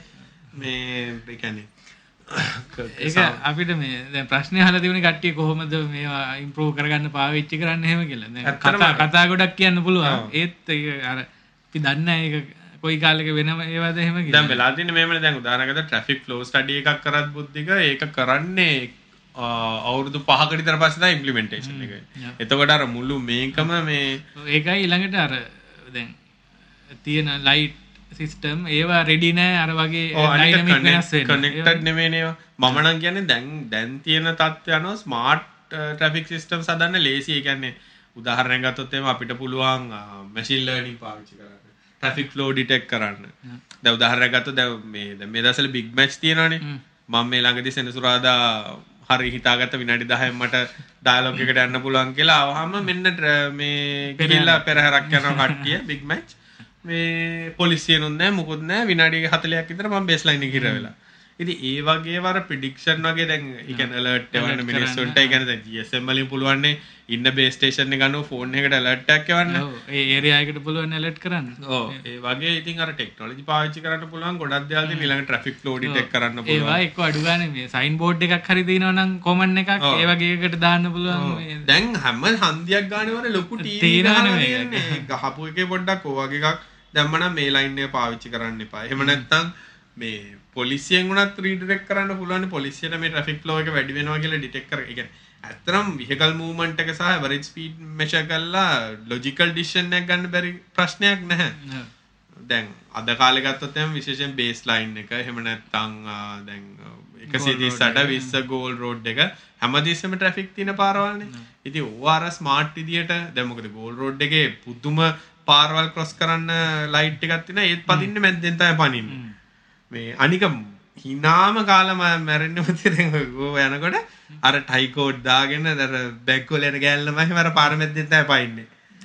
ලයිට් එක පෙනි පෙනි වෙනි වෙනි අයියෝ ඒ ටයි දාගෙන මහත්තුරේ මුල්ල ලැජ්ජනවද ගොම ගොම ගාගෙන යනවා වගේ යනවා ඉතින්. ඒක අර මේ මේ ළඟදී අර මගේ යාළුවෙක් ට්වීට් එකක් දාලා තිබ්බා මේ එයා ජපානෙ ගිහිල්ලා මේ ජපානේ අර ට්‍රේන් එනකන් අර ඉරක් ගහලා තියෙනවානේ. ඒ හැමෝම ගිහිල්ලා ඉර ඉරට මෙහෙන් තමයි හිටගන්නේ. ඊළඟට පොලිමට ඉන්නේ. බහිනයට පොලිමට ඉන්නගේ වම් පැත්තට හැරලා දකුණට පැත්තටනේ. අපේ අපේ මිනිස්සු ඉන්නේ. දැන් ට්‍රේන් එක උස්සලා අතට ගන්නවා කියලා නිකන් මී මැසි රැලක් ගෝ බෙට්ටර වැටුණා වගේ අර මැස්සෝ ටිකක් වගේ ඉන්නේ. ඉතින් මම එයා එයා ට්විටර් දාලා මම කිව්වා ඔගේ ප්‍රශ්නේ තියෙන්නේ අපි ලංකාවට ආම ට්විට් එක දාපු කෙනා ඇතුළුව. උත් කරන්න ඒකම තමයි කරන්නේ. පාර පයින්න හැම තැන්වලින්. දැන් උදාහරණයකට මං හෙන්නට උත්සාහ කරනවා මගේ ළමයාට මේ පාර හරියට පයින්න කහිර කියන්නේ මොකද්ද ලයිට් අණුව කියන්න. මං දැන් ඉඳන් කියලා දෙනවා. මෙතනින් පයින්න බා මෙතනින් පයින්න ඕනේ මෙහෙමයි පයින්න ඕනේ කියලා කියලා දෙනවා. ඉතින් ඒ වුණාට දැන් ඒ ළමයා බලනවා අර පැත්තෙන් හතර දිනක් විතර පයින්නවා මේ තාත්තට පිස්සුද කියලා. ඒ කියන්නේ අර ඒ කියන්නේ අපේ අපේ අර වෙලා තියෙන දැන් පිටරට ජපානි ගත්තොත් එහෙම ඇමති කෙනෙක් ආවත් ඒ මනසත් අර පොලිමේ ඉන්න ලංකාවෙත් මොකද වෙන්නේ? අරු වෙනවා. ඒ උගේ වටේට අර මැට්ටෝ ටිකක් එනවා. මැට්ටෝ ටික ඇවිල්ලා අර මිනිස්සු අයින් කරලා අරුව නග්ගගෙන මේ අරන් යනවා. ඉතින් එතකොට අර දැන් හයි පාරවල් වල යනකොටත් ඕකනේ වෙලා තියෙන්නේ. ඒකයි ගාලින්ග මේ දැ ඔය ලර්නස් වල දැ ටයින් ස්කුල් වල වාහන තියෙනවා. ඒව යනකොට උනත් දැන් අපිත ඒ මම හොඳම උදාහරණය ගැන බුද්ධිකට බෝඩ් ප්ලේස් එකෙන් ඇවිල්ලා කින්සි රෝඩ් එකට හැරෙන්න වම් පැත්තට තියෙන ෆ්‍රී ටර්න් එක. ෆ්‍රී ටර්න් එක කියන්නේ ඒක හරෙන තැන කල ලයිට් එකේ කහ ලයිට් එක තමයි බ්ලින්ක් වෙන්නේ. කහ ලයිට් එක බ්ලින්ක් වෙනවා කියන එකේ අදහස තමයි කෝෂන් එකක් ඇතුව එතනින් යන්න පුළුවන්. අපි දැන් තිල්ල එහෙම අපි කන්න යනකොට අර වෙන ඕ නවත්තන්න නැත්නම් ලයිට් එක ලයිට් එක කියලා අර මේ ඩ්‍රයිවිං එන එක කියලා නවත්තනවා. දැන් ඌ හිතන් ඉන්නේ මේක මෙහෙම වෙනවනේ යන්න බෑ. ඒ නවත්තන් ඉඳලා අර කාර කොළ වෙනකම් ඉන්නවා. ඊට යන්න කියලා. අන්න ඒ වගේ කියන්නේ. තියෙන අනිත් එක දැන් අපි හිතමු අපි දැක්ක කියලා එල්බෝඩ් එක ගහගෙන යන ලයිට් වාහනේ එක පත් වෙන එක. ලයිට් එක බුද්ධික දන්නද? හතරමං හන්දියකින් තිල්ල ඉස්සරහට යනවා නම් සිග්නල් ලයිට් කොහොමද දාන්නේ?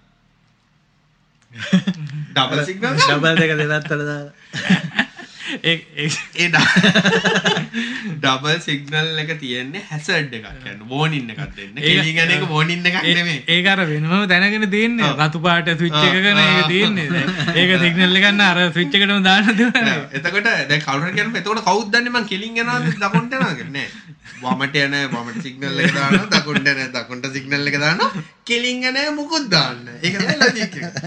දැන් වෙලා තියෙන්නේ එක එක සිග්නල් දාන්න. ඉතින් කට්ටිය එක්කෝ කියලා ඩබල් දාගෙන යනවා. ඒක ලර්නර්ස්ලත් උගන්වනවා හැබැයි අපි මේ ළඟදී පොතිල්ලම අරගෙන මේ රෝඩ් රූල්ස් බලනකොට ඒක තියෙන එක වාර තුනක් අවස්ථාවකදී ලයිට් එක දාන්න කියලා. වාහනේ අපුණ දේවල් අනිත් එක දැන් අපි මේ ඔය ඉගෙන ගන්න කෙනෙක් දැක්කම ආ, නීති අනුව නම් හෙඩ්ලයිට් එකක් ගහලා ඒකෙන් අදහස් කරන්නේ ඉස්සරහින වාහනයක් කෙනාට ඉඩ දෙනවා. එන්න එන්න කියලා එන්න කියලා. ආ, අපේ හෙඩ්ලයිට් ගහන කකබරයි. තනිකරම විරුද්ධ පැත්තට කියන්න බුද්ධික කියන්නේ කීක. මේ දැන් අපි ඩ්‍රයිව් කරනකොට උනත් ඉගෙන ගන්න කෙනෙක් දැක්කොත් දැන් අපි වෙන වෙලාවක හිතන්නකෝ අපිට හැදෙන්නම් බෑ මාර්ග නීති කඩාගෙනමයි යන්නේ කියලා. හැබැයි පොඩ්ඩක් ඩිසිප්ලින් නම් හොඳයි. මොකද අර කියලා දෙන මනුස්සයටත් නීතියක් කියා දෙන්න බෑ. අර අනිත් උන් යන විදිය දැක්කා. ලයිට් ගහලා රමම කල්ලා ඉරි කපාගෙන මේ යනවන ඉති කර එකන ගන්න එක්කනත් ඒවන්න ඉටවස බලන්නේ මේක කතා කරත් අපිට බෙනම එපිසෝඩ් තුනක් විතර කර එක බෑ එකමාර එකා මාර්ට කිට්ටු වෙන්න හර්සල් ලොක එඩිට් ඇත් තියෙන මේ එහෙනම් මේ අද හැමෝටම සුබ සතියක්. තිල් තිල්නට සුබගම ගම තිල්ලට විශ් කරන්න ඕන්න මේක ෆෙස්බුක් එක ෂයා ගුඩ් බයි තිලින කියලා. වංශයා වන්න. වංශයාර දැන් මාක් සකබර්ග් කර අපේ පූල් එකේ දින පෙක්කනට SD කාඩ් ඒවා SSD ඒක SSD එක ගන්න ඕන නම් මේ පෝස්ට් එක ෂෙයා කරලා ලයික් එකක් දාන්න ඕනේ. ලයික් එකට ආර්ෂයට මෙසේජ් අදන ඕ හර්ෂ දේවට හරි ඔක්කොම එක්කව වෙලා හර්ෂ දේවට කරන්න ඕනේ. ෆෙස්බුක් එක ඉන්න ගරුප් එක ඉන්නනේ ටැක් කර කර බයින් කොළු තියන්න බා කියලා. ඔන්න ක්‍රම. එන ලවසතියක්